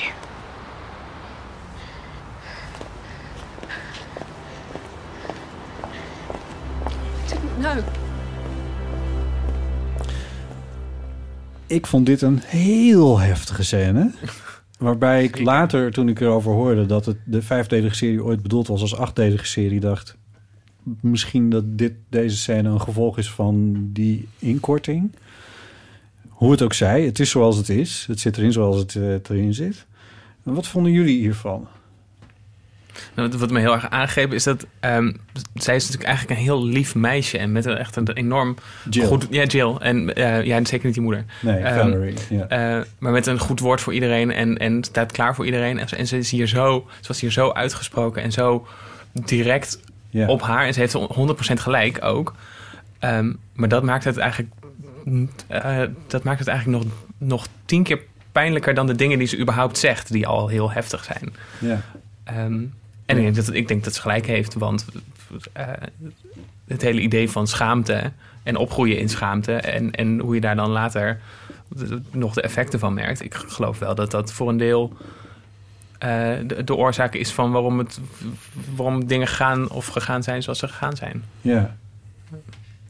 Vind er ook, ik vind er ook heel veel in zitten. Van, eh, ik heb er ook lang over na moeten denken. Van, ik denk dat schaamte en niet kunnen en durven zijn wie je bent...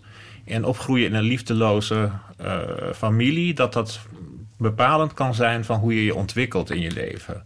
Dus het is niet, natuurlijk is het niet alleen de schuld van de moeder... maar er zit heel veel in. En ze zegt het ook in de climax waarin ze achterkomt... dat ze, nou, dat, dat, dat ze heel lang weggehouden is terwijl ze afscheid wil nemen. Ze is weggehouden. Mhm. En, eh, ja, die, en die moeder doet dat ook vanuit frustratie, onmacht. En, ehm, dus in die zin is dat, ja, zit er heel veel in, die, in deze scène. Het, is een niet, het dekt niet helemaal de lading, maar ik snap het heel erg goed. Ik denk dat schaamte en, en, en, en schuldgevoel... en ook eh, te maken heeft met seks en dan ook nog met homoseks... en niet durven zijn wie je bent, niet uit de kast kunnen of durven komen.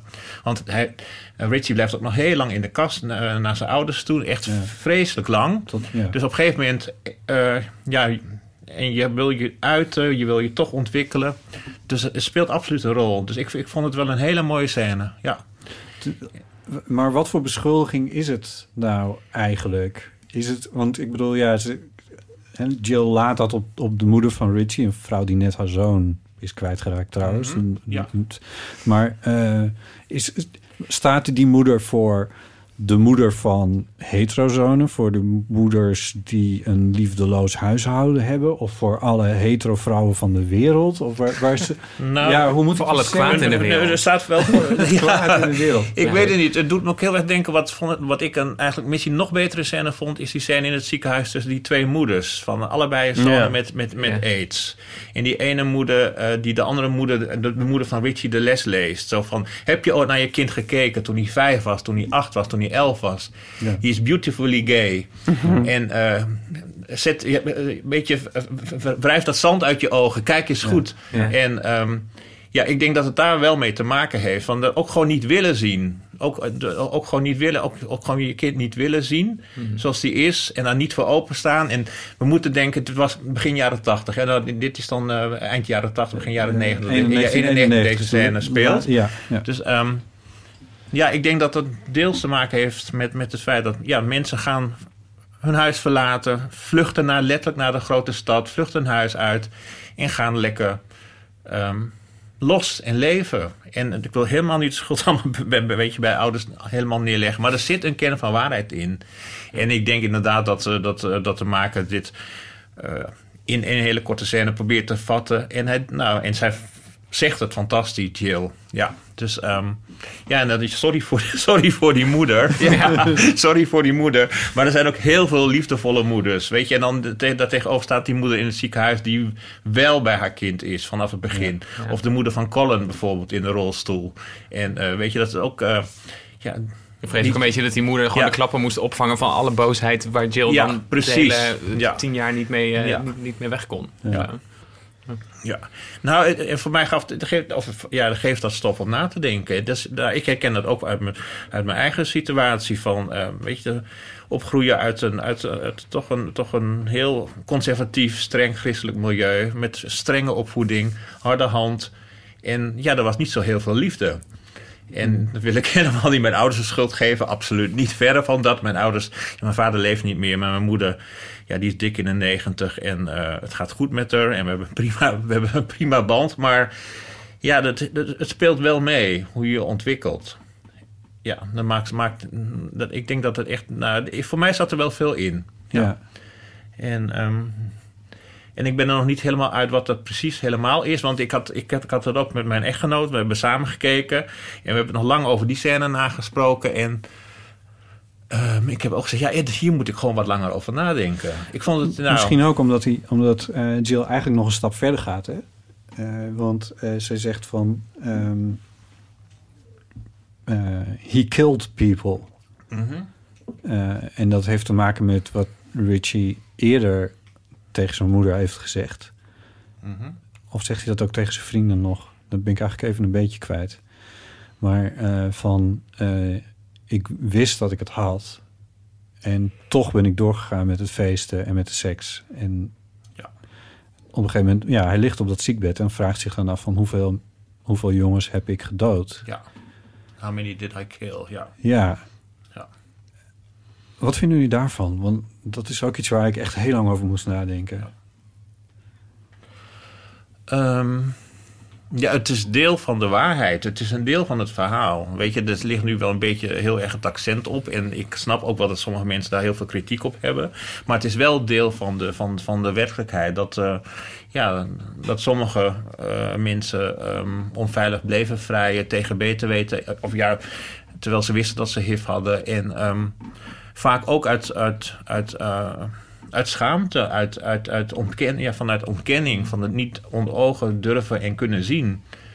Vanuit pure frustratie. Ja. En ehm, ja, ik vond, daar, ik vond daar Richie echt wel een hele mooie belichaming voor. Van, ehm, Mag ik jou een persoonlijke vraag stellen? Ja, dat bedoel, dat zijn we eigenlijk de hele tijd aan het Ja. doen, Bertus. Maar ik- deze gaat misschien wel net een stapje verder. En als je niet wil zeggen, dan snap ik dat. Want je vertelde net aan het begin dat je in 2002 wist dat je HIV-positief was. toen ben ik getest en eh, ja, toen, Maar eh, je zei daar iets bij. Je zei namelijk dat het waarschijnlijk een infectie was die al vele jaren daarvoor eh, was Ja. moet hebben plaatsgevonden. ja, Ehm, ja. Ja, in dit kader. Nou, van, eh, in die tijd was er ook geen. De werd, test werd helemaal niet aangeraden Nee. in, in de jaren tachtig. Want er was toch geen, eh, geen, geen behandeling. Dus dat, dat, we, we hebben heel lang een, een, een, een soort van terughoudend testbeleid gehad. En ehm, ik heb eh, heel lang bij mezelf gedacht van... nou, zolang ik niet ziek word, zolang ik eh, geen klachten krijg... laat ik me niet testen, want er is toch niks tegen te doen. Hmm. En dat ging heel lang heel goed. Ik ben heel lang niet ziek geworden. Totdat ik in 2002 wel klachten kreeg die eh duiden op een HIV-infectie. Nou, toen zat ik ook heel snel bij de, bij de dokter Ja. voor een test. En een week later voor de uitslag. Dus, maar dat was ook wel misschien deels van... Op een gegeven moment werd dan van... nou, misschien kun je het nu beter wel weten. Maar toen heb ik ook heel lang gedacht van... nou, ik hoef het nog niet te weten. Van, ehm, ik, Maar dat bedoel ik dus met dat dit een Ja. persoonlijke vraag is. Dat- Ja. Want dat ging ook over de, de mensen waar jij eh, seks mee had. Ja. Ja, nee, maar ik heb, ja, ik heb, eh, ik heb, in de, ik heb daarna wel altijd veilig gevreden. Ik heb in, in de jaren tachtig risico gelopen, maar ik heb eh, meestal veilig, veilig gevreden. Ja. Ja. Ja. En, maar ik wist het toen ook niet. In de, Nee. Weet je, van ik, ik heb mezelf niet laten testen. is- en ik, eh, dat is natuurlijk nog net iets anders. Maar Ja. dan nog, van, ehm, weet je, mensen maken bepaalde keuzes en soms ook niet al hele slimme keuzes. En weet je, De vergelijking met, eh, met corona dringt zich eh, heel sterk op. Het parallel ook met dat testen. Van dat dat in het begin eigenlijk niet aangeraden was, eigenlijk niet Ja. kon. Maar ook dat je nu weten we, dat was vorige week nog in het nieuws. Het RIVM had al onderzoek naar gedaan. Dat er heel veel mensen die positief zijn getest. Dat die gewoon naar de supermarkt gaan Ja. en mensen ontmoeten en al die dingen meer. Ja. Ik bedoel, Ja. ja, je, eh, wie zonder zonde is, eh, werpen die eerste steen. En Ja. ik denk Ja. dan ergens ook weer. We drinken allemaal wel eens te veel. We rijden allemaal door rood. Weet je, ja, rook is ook niet zo gezond. Nee hoor, ik wil daar absoluut niet eh, moralistisch en moraliserend over doen. Van, eh, en met de beschuldigde eh, vinger van het is jouw schuld. Of, Ja. nee, ik denk dat we juist schuld... Dat, en ook de vraag van hoe mensen iemand het heeft opgelopen. Dat wordt vaak gevraagd aan mensen met HIV. En dat is zo'n impertinente vraag. Want Ja. waarom moet je dat weten? Je vraagt ook niet hoe iemand aan, epilep, aan, eh, aan suikerziekte komt. Of waarom iemand epileptische aanvallen heeft. Of hoe iemand zwanger geworden Of is. iemand zwaar. ja. En ehm, dat, dat doet er niet toe. Dat is eigenlijk helemaal niet. Dat is niet eigenlijk. Dat is gewoon helemaal niet belangrijk. Ja, ik, Ik, ik zie zo'n vraag vaak in het kader van... Oh, als ik dat dan niet doe, Ja. Dan heb ik mezelf beschermd of zo, wat natuurlijk een beetje onzin is. Ja. Ja. Ja, maar iedereen houdt natuurlijk van een, van een gezond stukje schijnveiligheid of zo. Ik bedoel, Of dan moet ik eigenlijk juist niet het woord gezond gebruiken. Maar Eh, Zonder schijnveiligheid, Ja, ja. precies. Mensen houden zichzelf natuurlijk ook graag voor de gek of zo. Ja. Dat, geldt voor corona, denk ik, maar dat geldt ook voor even. Dat geldt voor een heleboel dingen. Ja. Ja. Ik hield mezelf ook wel eens voor de gek of zo. Ik was ook altijd stellig in de, vond- in de overtuiging dat ik ehm, dat mijn seks veilig was. Of zo. Dat was helemaal niet 100% van de keren. Ehm al getuigen al überhaupt het feit dat ik even positief werd. Ja.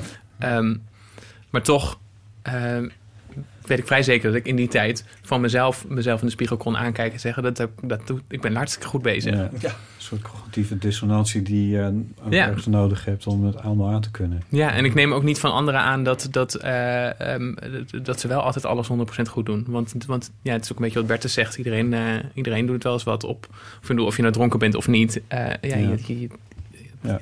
je doet wel stomme dingen. Ja. Ja. Had jij er nog gedachten over, Ipe, over die scène? Even- die, nou, die, die laatste scène. Ja, ja. Eh, nee, ik las er wat kritiek op. En ehm, ja, ik moet heel erg aan geeky dingen denken. En aan de auteur is dood. D- doet er niet zoveel toe wat... Natuurlijk is hij dood. Davies leeft nog gewoon. Ja, oh, dat, eh, oh, of luister je naar geeky dingen? Ik bedoel dat, dat je dus de auteur de bedoeling eigenlijk helemaal niet moet betrekken in... Oh, sorry, eh, ik nam dit echt oh, heel letterlijk. ja, nee, Als is zeggen dat het auteur dood is, dat de auteur dan ook daadwerkelijk dood. Ze hebben het steeds over Wittgenstein en dat soort mensen. Die, die leken me redelijk dood. Ja, nee, nee, het gaat... Maar goed, sorry, dat is een uitdaging. Maar, ehm, Oh, dus dat doet er verder ook niet toe. Ik vond het een heel indringende scène. En ehm, ja, ik zou het niet let... Ik denk niet dat die moeder ho- hoeft, per se hoeft te staan voor... Nee, heel mensen. Ik begrijp Ja. haar woede en frustratie van, die, van dat meisje op dat moment wel heel erg. Ja, precies. Die Ja. vind je eigenlijk belangrijker voor die scène dan, Ja. dan waar de moeder dan precies voor staat. Ja. Ja, maar ik vond het zeker een mooie... sce- Of, of een mooie... Ik vond het dat is een heel indringende scène. Ja, die hele laatste aflevering... die ehm, hakt er wel een beetje in, zeg maar. Het is wel heel... eh interessant. Drama op drama op drama. Het is wel Ja. heel erg... eh, Ik, moest, ik, kan wel eerlijk zeggen, ik moest echt heel hard om huilen na afloop daarvan. Ik vond het echt zo... eh, het kwam zo binnen. Ja. Ja. Ik moet vaak harder huilen als er iets, iets moois en liefs gebeurt. Dus ik vond dus die... Ik vond, ik vond in die zin die scène tussen die moeders in, die, in dat ziekenhuis ook... eh, Mm. eh, eigenlijk nog weer ontroerender. eh, ja. Snap ik, ja. Ja. Ja, had ik Ja. ook wel een beetje. Ja. Ja. Ja. Ja. Hele korte scène, maar briljant. Ja, heel, heel bijzonder. Ja. Ja, en ook precies hoe, hoe, hoe twee archetype moeders of zo. Ik bedoel, de een zo'n moeder die dat vanaf, vanaf kinds af aan doorheeft en prima vindt. En, en misschien wel stimuleert of in ieder geval alle ruimte aanbiedt. En een moeder die dat misschien wel ergens in de achterhoofd ook wel heeft gedacht. Van, oh, mijn zoon kon wel eens gay zijn. Eh, en daar gewoon een heleboel eh, van alles heeft gedaan om dat te bedekken. En dat, dat doet natuurlijk ook wel iets met een kindje. Ja. Mm, Ja, ik heb nog wel een vraagje voor Sander. Een vraagje. Ehm maar je hebt het net gezegd, eh, eh, wanneer jij gediagnosticeerd bent. Eh, ik weet het niet meer. twaalf jaar precies. geleden. Twaalf jaar geleden, 2008. Ja, ik- kun je daar iets over vertellen hoe dat zeg maar is nu om daarmee te leven en hoe, de, hoe je omgeving en de maatschappij nu reageert? Ehm, eh, eh, nu als in huidige tijd nu, of Ja. toen, toen ik het net wist. Nou ja, of misschien het verschil. Ik weet niet of dat heel erg veranderd is in die Nou, twaalf jaar. gek genoeg is het- ook in die twaalf jaar is er wel weer veel Ja. veranderd of zo. Dat, ehm, ik ben er nu relatief open over. Niet per se 100%, want ook niet iedereen hoeft van, altijd van alles te weten of zo. Maar ehm, dus eigenlijk mijn hele vriendenkring en het grootste deel van mijn familie weet het wel. Ja. En ook wel collega's. Dat, dat, die grens ben ik dan inmiddels ook wel over. Maar ook weer niet allemaal. Nou goed. Ehm, en dat was twaalf jaar geleden heel anders. Want ik had in het begin nog het idee van... nou ja, als ik het nou aan eh, jou en aan jou vertel... dan weet ik dat het er twee zijn. En dan is dat, kunnen we het daarbij houden. Ehm, terwijl op een gegeven moment kwam mijn moeder met... ja, ik heb het toch aan mijn beste vriendin verteld. Ja, ik moet er ook ergens mee naartoe. Nou, toen was ik al een beetje zo... oké, dan zijn we nu op drie. nou ja, en dat is natuurlijk een soort olievlek... die niet, in de niet te bedwingen is. Dus ehm, ik heb op een gegeven moment me ook wel een soort van voorgenomen of besloten van nou, ja, het, is, het is maar wat het is en wie het weet, die weet het en prima. Ehm, het is niet echt een antwoord op je vraag. hè? Nou, nou, het begin van de antwoord. Ga door. Ga door. Ehm, nee, ja, het, weet je, nu speelt het eigenlijk dus ook niet zo'n hele grote rol meer of zo. Dat ik, ehm, was er, toen ik het net wist, was ik er echt compleet van, van het padje af. Dat heeft echt wel een half jaar of zo geduurd. Dat ik als, als een soort zombie door het leven ging. En eigenlijk ik kan me ook niet meer herinneren wat, wat ik toen heb gedaan of zo. Ik bedoel, ik, ehm, ik ben opgestaan en ben weer naar bed gegaan. Maar wat, wat er verder al die dagen gebeurde, echt geen flauw idee. Ehm, en dan op een gegeven moment gaat, wordt, dat, wordt dat beter en leer je ook voor jezelf dat van nou, dit is dan de, nu de, de stand of zo. Of hier moet ik het nu mee doen. En dat, ehm, ja, dat is een beetje een beetje tuttig ding om te zeggen, maar daarover praten eh, helpt ook bij accepteren van, hoe, de- van dat Ja. dat zo is. Dus ehm super veel met vrienden over gesproken. Op een gegeven moment dus ook met mensen van de HIV-vereniging, ehm, het servicepunt, telefoonlijn waar je naartoe kan bellen met vragen, maar ook om gewoon je hart te luchten en, en, en nou ja, ehm, eh, gewoon een luisterend oor te hebben. Zo, dat, dat deed ik wel. En dat, eh, dat ergens, ergens ga je dan ook wel weer de zon zien schijnen of zo. Ehm, nou, en dat is ongeveer waar ik nu zit. En ehm, voor nu eh, speelt het eigenlijk helemaal niet zo'n hele grote rol in mijn leven. Behalve dat als ik dus bijvoorbeeld een serie zie of iets waar eh HIV in voorkomt, dat ik wel, dan gaan wel, dan staat mijn blik wel aan of zo. Dan, Ja. Ehm, want dat is, dat is van mij of zo. Dat, dat, daar, moet, Hmm. daar moet ik iets mee. Ja. Zo voelt dat een beetje. Ja. En wat ik wel... ehm eh, dan gaat het ook nog een beetje terug, gewoon wel weer op de serie. Nou, fruit. Ehm, ik zie een heel groot verschil in ehm, die tijd van toen. En dus ook waar dat verhaal over gaat. En dat- doet me heel veel, want er zitten wat overeenkomsten in. Maar er zit ook een heel groot verschil in.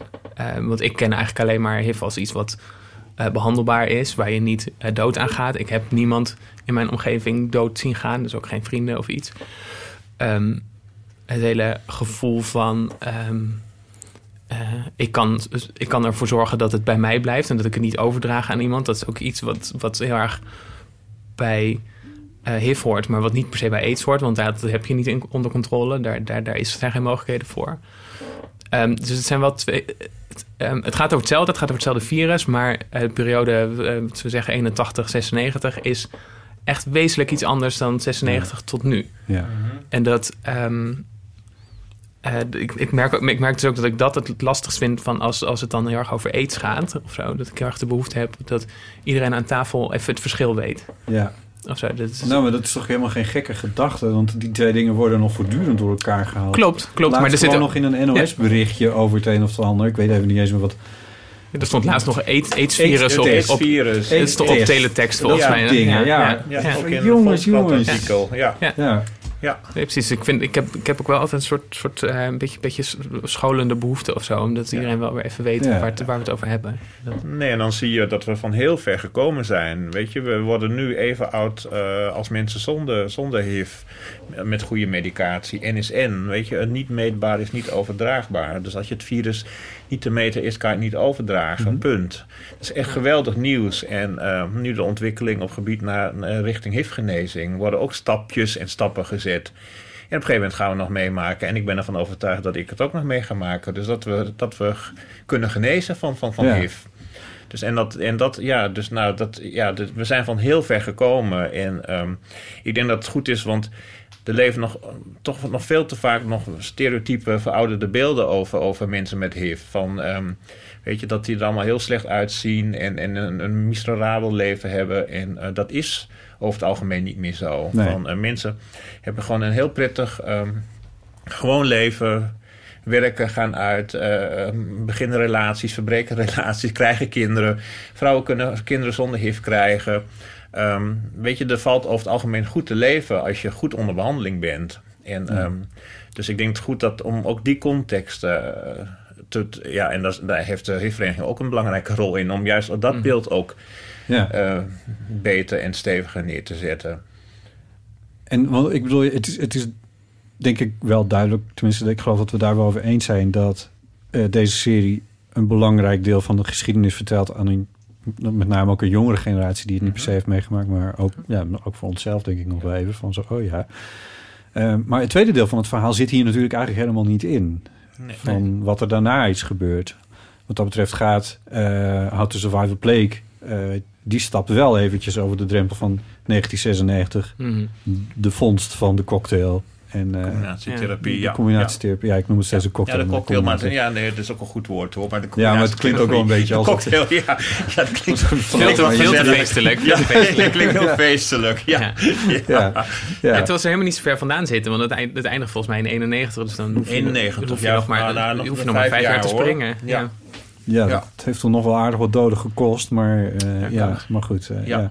Nee, maar dat, dat voor, ik bedoel, in dat opzicht, eh, want ik, ehm, ja, moet er niet bijna een soort deel 2 komen? Of, of een, weet, ik veel, ja, kun je mensen wat aanraden van, goh, ja, maar denk hier ook, of lees dit nog eens even, of... eh, Nou, ik denk dat het goed zou zijn dat de VPRO of de NPO ehm, dat in de context plaatsen, wat meer context geeft. Dus dat zou helemaal niet zo gek zijn. En ja, god, een, een, een, een vervolg is natuurlijk ook geen onaardig idee, maar ik denk dat het wel goed is om eh, naast, want het is een belangrijk document ook. Het geeft een heel goed beeld van die periode toen ter tijd. Ja. Maar we leven nu eh 30, 40 jaar eh, zijn we verder.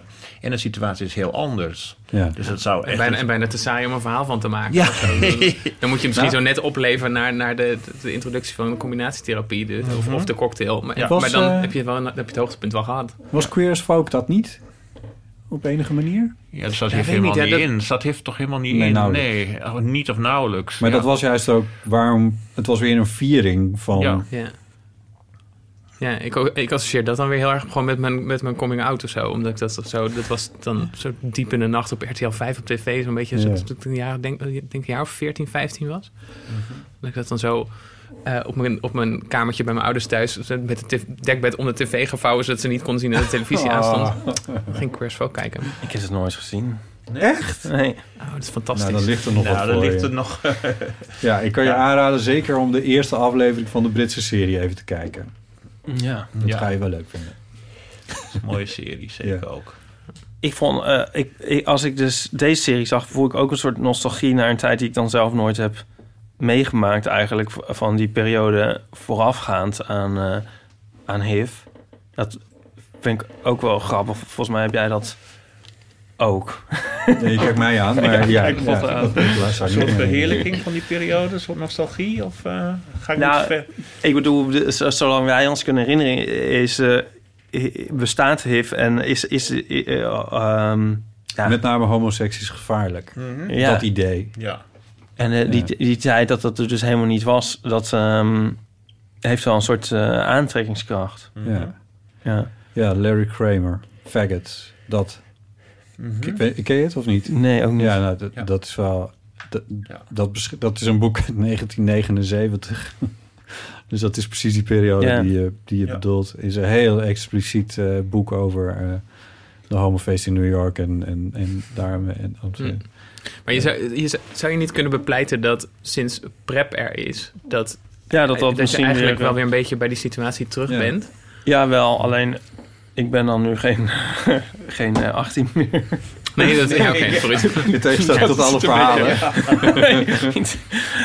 dus eh, nee, zeker. Dus wij, wij, wij vallen een beetje tussen uh, wal en schip. Maar, maar dit is Nee. wel, dit is natuurlijk wel in zekere zin wel waar. Want ja, ergens voel ik toch wel een soort lichte jaloezie van die jongens van 20, 22 die, Ja. eh, die prep hebben nu. En Ja. pret hebben nu. Ja, prep hebben nu. Ja. Ja, Hebben, ja, je ja, prep nu, maar prep hebben nu. Ja, nou ja, dus ja, op ja. die leeftijd Ja. dit hebben. Ja. En dat, eh, dat, was, dat, eh, dat was er voor ons niet. En, eh, en dat, dat kan ook niet meer, want we hebben die leeftijd gewoon niet meer. Dus dat gaat gewoon ook niet. Maar dat heeft, manier. dat heeft wel echt heel veel gedaan met de perceptie, denk ik, van, van, ehm, eh, van HIV die mensen kunnen hebben. Maar wel voor die, voor die nieuwe generaties. Ja, ja precies. En, Ja. en dat is dus ook nog maar een jaar of, eh, nou help me even Bertus, hoe Vijf, lang? Vijf? Ja. Zoiets. Nou, iets, Dus ja, een jaar of zes. Het is nog steeds ik, ja. bezig trouwens. Ja. Om, het is nog steeds niet heel erg groot uit, uit, In Nederland zeker niet. Nederland loopt hopeloos achter. Ja. Ja. wat dat betreft op prepbeleid. Ja. Ja. Zal Hugo de Jonge wel weer zijn. Nou, ja, nee. zijn voorganger, zijn voorganger. Oh. De VVD is, eh, is- die, die werkt Nee. niet mee, laat ik het zo zeggen. Ja. Ik denk dat was, CDA Schippers, nog beter... Schippers toch? Ja, Ja, inderdaad. ja, ja. ja. Maar die was dan weer van de... Nee, die is VVD. Oh, ja. Oh, ja. Maar die was toen in ieder geval met, met al die experimenten van de GGD was ze heel erg tegen. Om dat, eh, om maar een beetje geld te geven. Ja. Ja. Wat is dat toch? Waarom... come ja, ik, begrijp het ook niet. Ik Nee. begrijp het Ah, maar je had, je had niet. over PrEP wel zoveel, zoveel dubieuze argumenten. Van, ja, je Ja. kan toch gewoon een condoom gebruiken? Wat is het Ja. probleem en waarom moet het zoveel geld kosten? Ja. En het is eigen verantwoordelijkheid. Dus dan moet je maar zelf betalen. Zelf bekostigen. Dat is Ja, een dat standpunt ook, ja. van de VVD. Ja. Ja. Ja. Terwijl het gewoon mensenlevens Nou ja, ze hebben de, pil, de Ja. pil ook uit het eh, basispakket getrokken. Dus wat dat betreft lag het in de lijn der verwachtingen. Maar het is, eh, het is natuurlijk eigenlijk heel erg. Ja. Het is heel erg om. eh, ook om. Ik bedoel, dat zit ook ergens een beetje in die serie. Dat was ook een van de kritiekpunten op eh It's a Sin. Van dat je dan een beetje de keuze had tussen. eh, eh, tussen, tussen of, of, of HIV of geen seks. Dat waren dan de twee opties. Terwijl dat slaat natuurlijk nergens op. In die tijd, jij vertelde het Bertus net ook van, dat was in die tijd ook wel een Ja, klein niet beetje. koolneuken. Echt, dat was echt de, de boodschap. Ja. Ja. En als je het echt niet kunt laten, dan moet je een, een extra stevig condoom gebruiken met heel veel glijmiddel op waterbasis. Ik kan die zin nog zo uitrollen. ja, ja, die, is er, die is er gewoon ingeramd. Ja, die is er ingeramd. God, ja. Post Ja. 51. Ja. En ehm, ja, dat, dat, dat was een, een overheidscampagne of een ontmoediging, ontmoediging of een, eh, een anale seks met ontmoet, ontmoedigd. Ja, want een eh, vriend van mij die eh, memoreerde ook een, een televisiespotje... wat er in dat kader was van een bijtje... Oh, dat, dat van bijtje. bloemetje naar bloemetje vloog... waarbij elk bloemetje daarna verdorde. Dat is de allereerste officiële eh HIV-AIDS-campagne door de overheid bekostigd. Uit 87, als ik me goed herinner. Je weet het Ja, nog. ja, ja. Heel tuttig. Echt een bloemetje. Of een bijtje wat inderdaad naar een bloemetje. En ehm, ja, stop AIDS met hele grote letters. Ja. Ja, nou, daar zit er Maar, ook... maar Stop AIDS was dus, werd dan dus wel... hè, de bloemetjes en de bijtjes werd gelijkgesteld met geen seks. nee, geen seks. Ja. Ja. Ja. ja. ja. En later kreeg ik campagnes van eh, bekende Nederlanders die de condooms gebruiken. Of Sonja gebruikt ze. Of eh, Marco, Marco gebruikt ze. Of die gebruikt ze. Weet je, dan hebben we ietsje, ietsje vrolijke campagnes. Maar de eerste campagnes waren gewoon heel negatief en somber. En die zitten ook in de serie. Zo van, eh, it's killing. Ja, daar zit ook een, in met een van de afleveringen- ja. Met, Ja. graf, met de grafsteen Ja, inderdaad. John Van, ja, een beetje horror, horror scenario's. En Nederland wilde dat juist niet. Dat wilden ze niet, maar die kwamen toen met het bloemetje en het bijtje. Ja, van voor en na het journaal werd die dan vertoond. Kwam die op televisie. Ja. Ja, ja die moet ik gezien hebben toen de tijd. Vast Dat wel. Heeft wel zijn sporen nagelaten. Ja. denk ik, ja. Ja. Ja. Ja. En het valt nog niet eens mee om daar weer uit te komen. eh, om daar weer, om dat beeld weer uiteindelijk te bestrijden als de werkelijkheid weer anders wordt. Wat die natuurlijk anders is geworden. Ja. Ja. Dus met heel veel dingen zo. Ik, het, het eerste wat ik me kan herinneren op tv is René Klein. Eh, dat Ja, ken je ja, dan ja. denk ik ook nog wel. Ja. Ja, bij Paul de Leeuw. Ja. Ja. Ehm, maar dat beeld, dat wordt... Dat, ehm, Mr. Blue zingend in Ja. een... eh, Ja, in zat dat- hij in een dat rolstoel? nee, was nee, lag op een- lag in op een soort ziekenhuisbed, Op, maar- een- op een bed lag hij op Ja, zo'n divan. Ja. Ja. Maar dat, dat beeld, dat heeft natuurlijk ook... Nou, ja, nog, dat is nog wel 15, 20 jaar meegegaan. Dat, Ja. dat is ook Is heel een iconisch beeld, ja. Ja, ook is- omdat hij volgens mij een paar maanden later zelfs al, dat hij dan al overleed. Ja. Dus dat is wel Ja. heel dicht op Ja. elkaar. Me dat goed herinner. Vrij Ja. snel. Ja, en de snel, nummer ja. 1 hit met eh, Mr. Blue. Dat Ja. heeft toen een week op nummer 1 gestaan. Ja, ja. Wat nou, is, dat, ja, eh, dat was wel een belangrijk programma, absoluut. Het was wel een mijlpaal Ja. voor het algemeen publiek. Ja. je- ja. Maar nu ook nog een, nog, een, nog een beetje een vraag aan ons allemaal. Die bij mij een beetje leeft is van... Ik, ik bedoel, de, de- het is van een, van, een, van een grote schoonheid, It's a Sin. In de zin van hoe het is gemaakt. En, en eh, de teksten ook. En eh, de boodschap ook. Maar uiteindelijk toch wel eindigend in mineur. Om het maar even... Hoe, hoe kun, is dat een, is dat een, kunnen we dat, dat beeld nog, kunnen we dat, ja, hoe kun je dat nog, kunnen we mensen nog aan, aanraden om, nee, die documentaire is misschien een idee om die te gaan kijken, eh How to Survive a Plague, waarin we nog wel zien hoe het na Mhm. wat er in 96 veranderde. Maar het is toch met heel veel dingen die niet zo heel leuk zijn uit de geschiedenis. Er zijn wel meer nare dingen gebeurd in de geschiedenis. Er zijn meer, maar, meer naar dingen. Ja, ja, ik vind het niet zo erg vaststellen. hoor. Ja, maar dit, je, moet, je kunt, Ja. Daarom is het ook heel goed volgens mij dat, je, dat jullie dit doen. Ehm, je moet het ook wel van, eh, met de context van nu kunnen, kunnen bekijken. Of zo. In ieder geval de mogelijkheid hebben om te begrijpen van... oké, dit is gebeurd en dit was toen. En dit, is, dit moeten we allemaal weten. En dit, is, dit was heel ingrijpend en belangrijk. Ja. Ehm, maar het is ook heel erg toen, punt. Ja. En er is ook heel erg een nu en dat ziet er zo en zo en zo Ja, uit. en dat nu moet je nu ook heel goed vertellen. Ja, en wat je in- nu in Engeland, eh, jij noemde dat geloof ik ook nog, eh eh, Botte, zo van dat eh, in Engeland in die weken van de uitzending zijn er drie keer zoveel eh HIV-testen afgenomen. Ja, Dus vier tot vijf keer zelfs, Ja, ja. echt Ja. heel erg veel. Ik ben benieuwd of je in Nederland ook zo'n zo'n reactie krijgt. Ik ver- Nou, weet- het ging daar ge- gepaard met, met ook de campagne. HIV-test, met de campagne, met Ja. de HIV-testing week. Ja, dat klopt. Dat ging ook gepaard, maar dat het heel veel losmaakt. En nog een ander positief effect is Moeten dat jullie het- dat niet doen als HIV-vereniging? Om hier een soort campagne omheen... Ja, eh, nee, dat is het AIDS-fonds. En eh, die, die, die doen campagne om het je te laten testen. Daar hebben wij helaas geen geld voor. Ja, ja, daar hebben wij geen geld voor. En, en nog een ander positief eh, eh, effect is... eh, dat las ik de afgelopen dagen ook eh, diverse malen... dat er verschillende mensen nu uit de kast gekomen zijn... als zijnde HIV-positief. Dus dat ze al tien jaar gewoon in de kast zaten als eh HIV-positief... maar nu Ja. door deze serie... eh, eh, naar buiten komen en een verhaal vertellen op hun werk tegen de familie. En nou, ik las een of andere tweet van dat de, volgens mij de partner van Elton John, een of andere jongen die tien jaar lang niet durfde te vertellen dat hij HIV heeft, nu, nou, dat is nu een hero, dat is nu een held geworden. Dus dat, zijn- dat zijn positieve effecten. Ja, dus dat, dat, dat er meer openheid is, dat mensen eh, ja, toch meer hun verhaal durven te vertellen. En ik hoop dat dat in Nederland ja, ook dat effect heeft. Want dat zien jullie binnen de vereniging ook.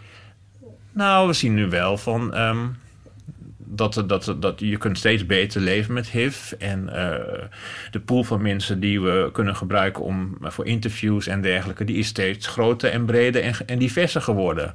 Hmm. Tien jaar geleden had je gewoon eh, steeds drie dezelfde gezichten op tv of in de krant. Ja. En nu kunnen we uit een pool van 40, 50 mensen kiezen om een verhaal te doen. Ah ja. Dus er is wel meer, ja, mensen durven meer. En PrEP heeft aan bijgedragen, NSN heeft daar zeker ook aan bijgedragen, een belangrijke rol. Eh, dat, dat mensen wat makkelijker durven te vertellen dat ze leven, dat ze, dat ze HIV-positief hebben- zijn, Ja. dat ze leven met HIV. Ja. Ja. Ja. En dat vind, dat vind ik winst, want ehm, Is het zeker. gewoon eh, rolmodellen, eh, goede voorbeelden. Dus dat, dan, dan, ja, dat maakt het. eh, dat, dat helpt heel erg bij het normaliseren van, van HIV en leven met HIV. Ja, maar is het dan, mag, mag, mag ik een kritisch eh, puntje maken? Tuurlijk. Niet over Bertus hoor. Ik zou niet durven. Nee, over mij. Over mij. Nee, ook niet over jou. Nee, over niemand aan deze tafel. Nee. Wat, wat, ik wat ik best wel een beetje stom vind, ik ga het maar gewoon stom noemen, Mhm. is dat eh, de publieke omroep dan wel uit wil zenden, maar dan weer op NPO Plus. En Ja. ik vind eigenlijk dat als je dit belangrijk vindt, wat een, wat een vraag is, hè, bedoel, het antwoord kan ook nee zijn, dan moet het gewoon op eh, vrijdagavond op eh nou, ja, NPO 2 of zo. Het is ook een beetje gevoed door dat, ik vond namelijk ook heel stom dat RuPaul's Drag Race Holland, dat dat ook weer op, op een, op een P-kanaal zat en niet gewoon op, op RTL 5. Ja. Mhm. Dat vind ik dan Ja. weer, dat vind ik dan een soort, er zit een soort Ja. raar oud mechanisme Ja. achter. Ja. Ehm, het komt op NPO Plus vanaf vrijdag 5 maart. En NPO Plus kost, ik heb dat even uitgezocht, 2,95 euro per maand. En de eerste maand is gratis. Dus je kunt snel even Dus in kijken. dat dan weer Ja, precies. Ja. Voor, voor 3 euro. Maar. Ja, Ja, maar het gaat om het principe natuurlijk. Ja. het gaat om het principe en daar ben ik helemaal met je eens. Zal, wil je van mij ook nog een positieve noot? Zeker. Het is natuurlijk vernoemd naar een liedje van de Pet Shop Boys. Ehm, als mensen nou vrolijk willen eindigen, dan kunnen ze, eh, is er nog een ander liedje van de Pet Shop Boys over eh, HIV en AIDS. Was it worth it? En dat is een eh, heel vrolijk liedje. Een uh, omineuze, omineuze vraag de titel. it? Yes, it's worth living for. Mag ik nog iets zeggen? Van, ehm, ik, ter voorbereiding, eh, ik, ik heb ook regelmatig geschreven over HIV natuurlijk. Of natuurlijk, maar de laatste jaren van... En ik zat ter voorbereiding nog even een, een stuk, een column terug te lezen. Ook over die tijd van 87 en de bezoeken aan het, aan- het eh, ziekenhuis, aan het AMC. Ik denk, misschien is het leuk om daar een klein stukje van voor te lezen. Ja, Kunnen jullie dat gebruiken eventueel? Is dat... dat, dat is uit 1987. Dat is 87, ja. Ja? Ja, ik heb het later geschreven, maar het gaat over die tijd. Er zijn drie alinea's. Ehm, ik begin gewoon, hè? Ja. Oktober 1987. Ik woon en studeer in Utrecht. In Amsterdam ben ik buddy voor homomannen met aids. Met de trein reis ik naar Amsterdam-Amstel. Daar aangekomen ren ik om metro 54 richting Gein te halen. Ik zie de metro staan en maak een spurt. Het signaal dat de deuren dicht gaat klinkt. Ik spring naar binnen en de metrodeuren sluiten. Nog nageheigend plof ik op een bankje. Ik ben op weg naar het AMC. Jim is daar opgenomen. Ik ben ruim een maand zijn buddy. In mum van tijd is Jim doodziek en broodmager geworden. Van de frisse, vlotte jonge man is weinig meer over. Binnen een paar weken is hij blind geworden door het cytomegalovirus en nu begint hij ook te dementeren. Het heeft tast zijn hersens aan. Ik ben bang dat ik gek, word, zegt hij, zei hij tegen mij tijdens mijn laatste bezoek. Zonder zicht kan ik nog wel leven, maar ik kan het niet verdragen dement te worden. Bij metrostation Holendrecht stap ik uit en de wandeling naar de lift in de grote hal van het AMC duurt zo'n vijf minuten. Met de lift kom ik op F6 Noord, de aidsafdeling van het ziekenhuis. Ik zie dat een van de liften open staat en begint te hollen. De liftdeuren gaan dicht. Te laat. Tegelijkertijd vraag ik me af waarom ik zo, me zo haast. Er komt toch immers binnen één minuut een volgende lift? En hetzelfde geldt voor de metro. Elke tien minuten gaat er één. Het scheelt hoogstens een kwartier als ik een metro en een lift voorbij laat gaan. Dus vanwaar die haast? Het heeft, denk ik achteraf, te maken met het besef geen tijd te kunnen verliezen. HIV en aids grijpen zo verwoestend om zich heen dat je je niet kunt permitteren het rustig aan te doen. Dat was al een, eh, een goed, eh, goed inzicht wat je daar eh, wat je had. Ja. Leuk uitsmijter. ja. ja. ja. Ja, nou, hoe dat eh, in Nederland ging, daar heb je eh, mooi over verteld. En eh, daar is deze column ook weer een testament van. Hoe het eh, van, met de ogen van nu in Londen was, dat is te zien in It's a Sin. Ja. Mag ik jullie hartelijk danken eh, voor jullie komst. Eh Bertus Tempert en Sander van Oorsprong, beide van de HIV-vereniging. Eh dankjewel. Graag gedaan. Ook namens mij. Met groot plezier. Dank jullie wel.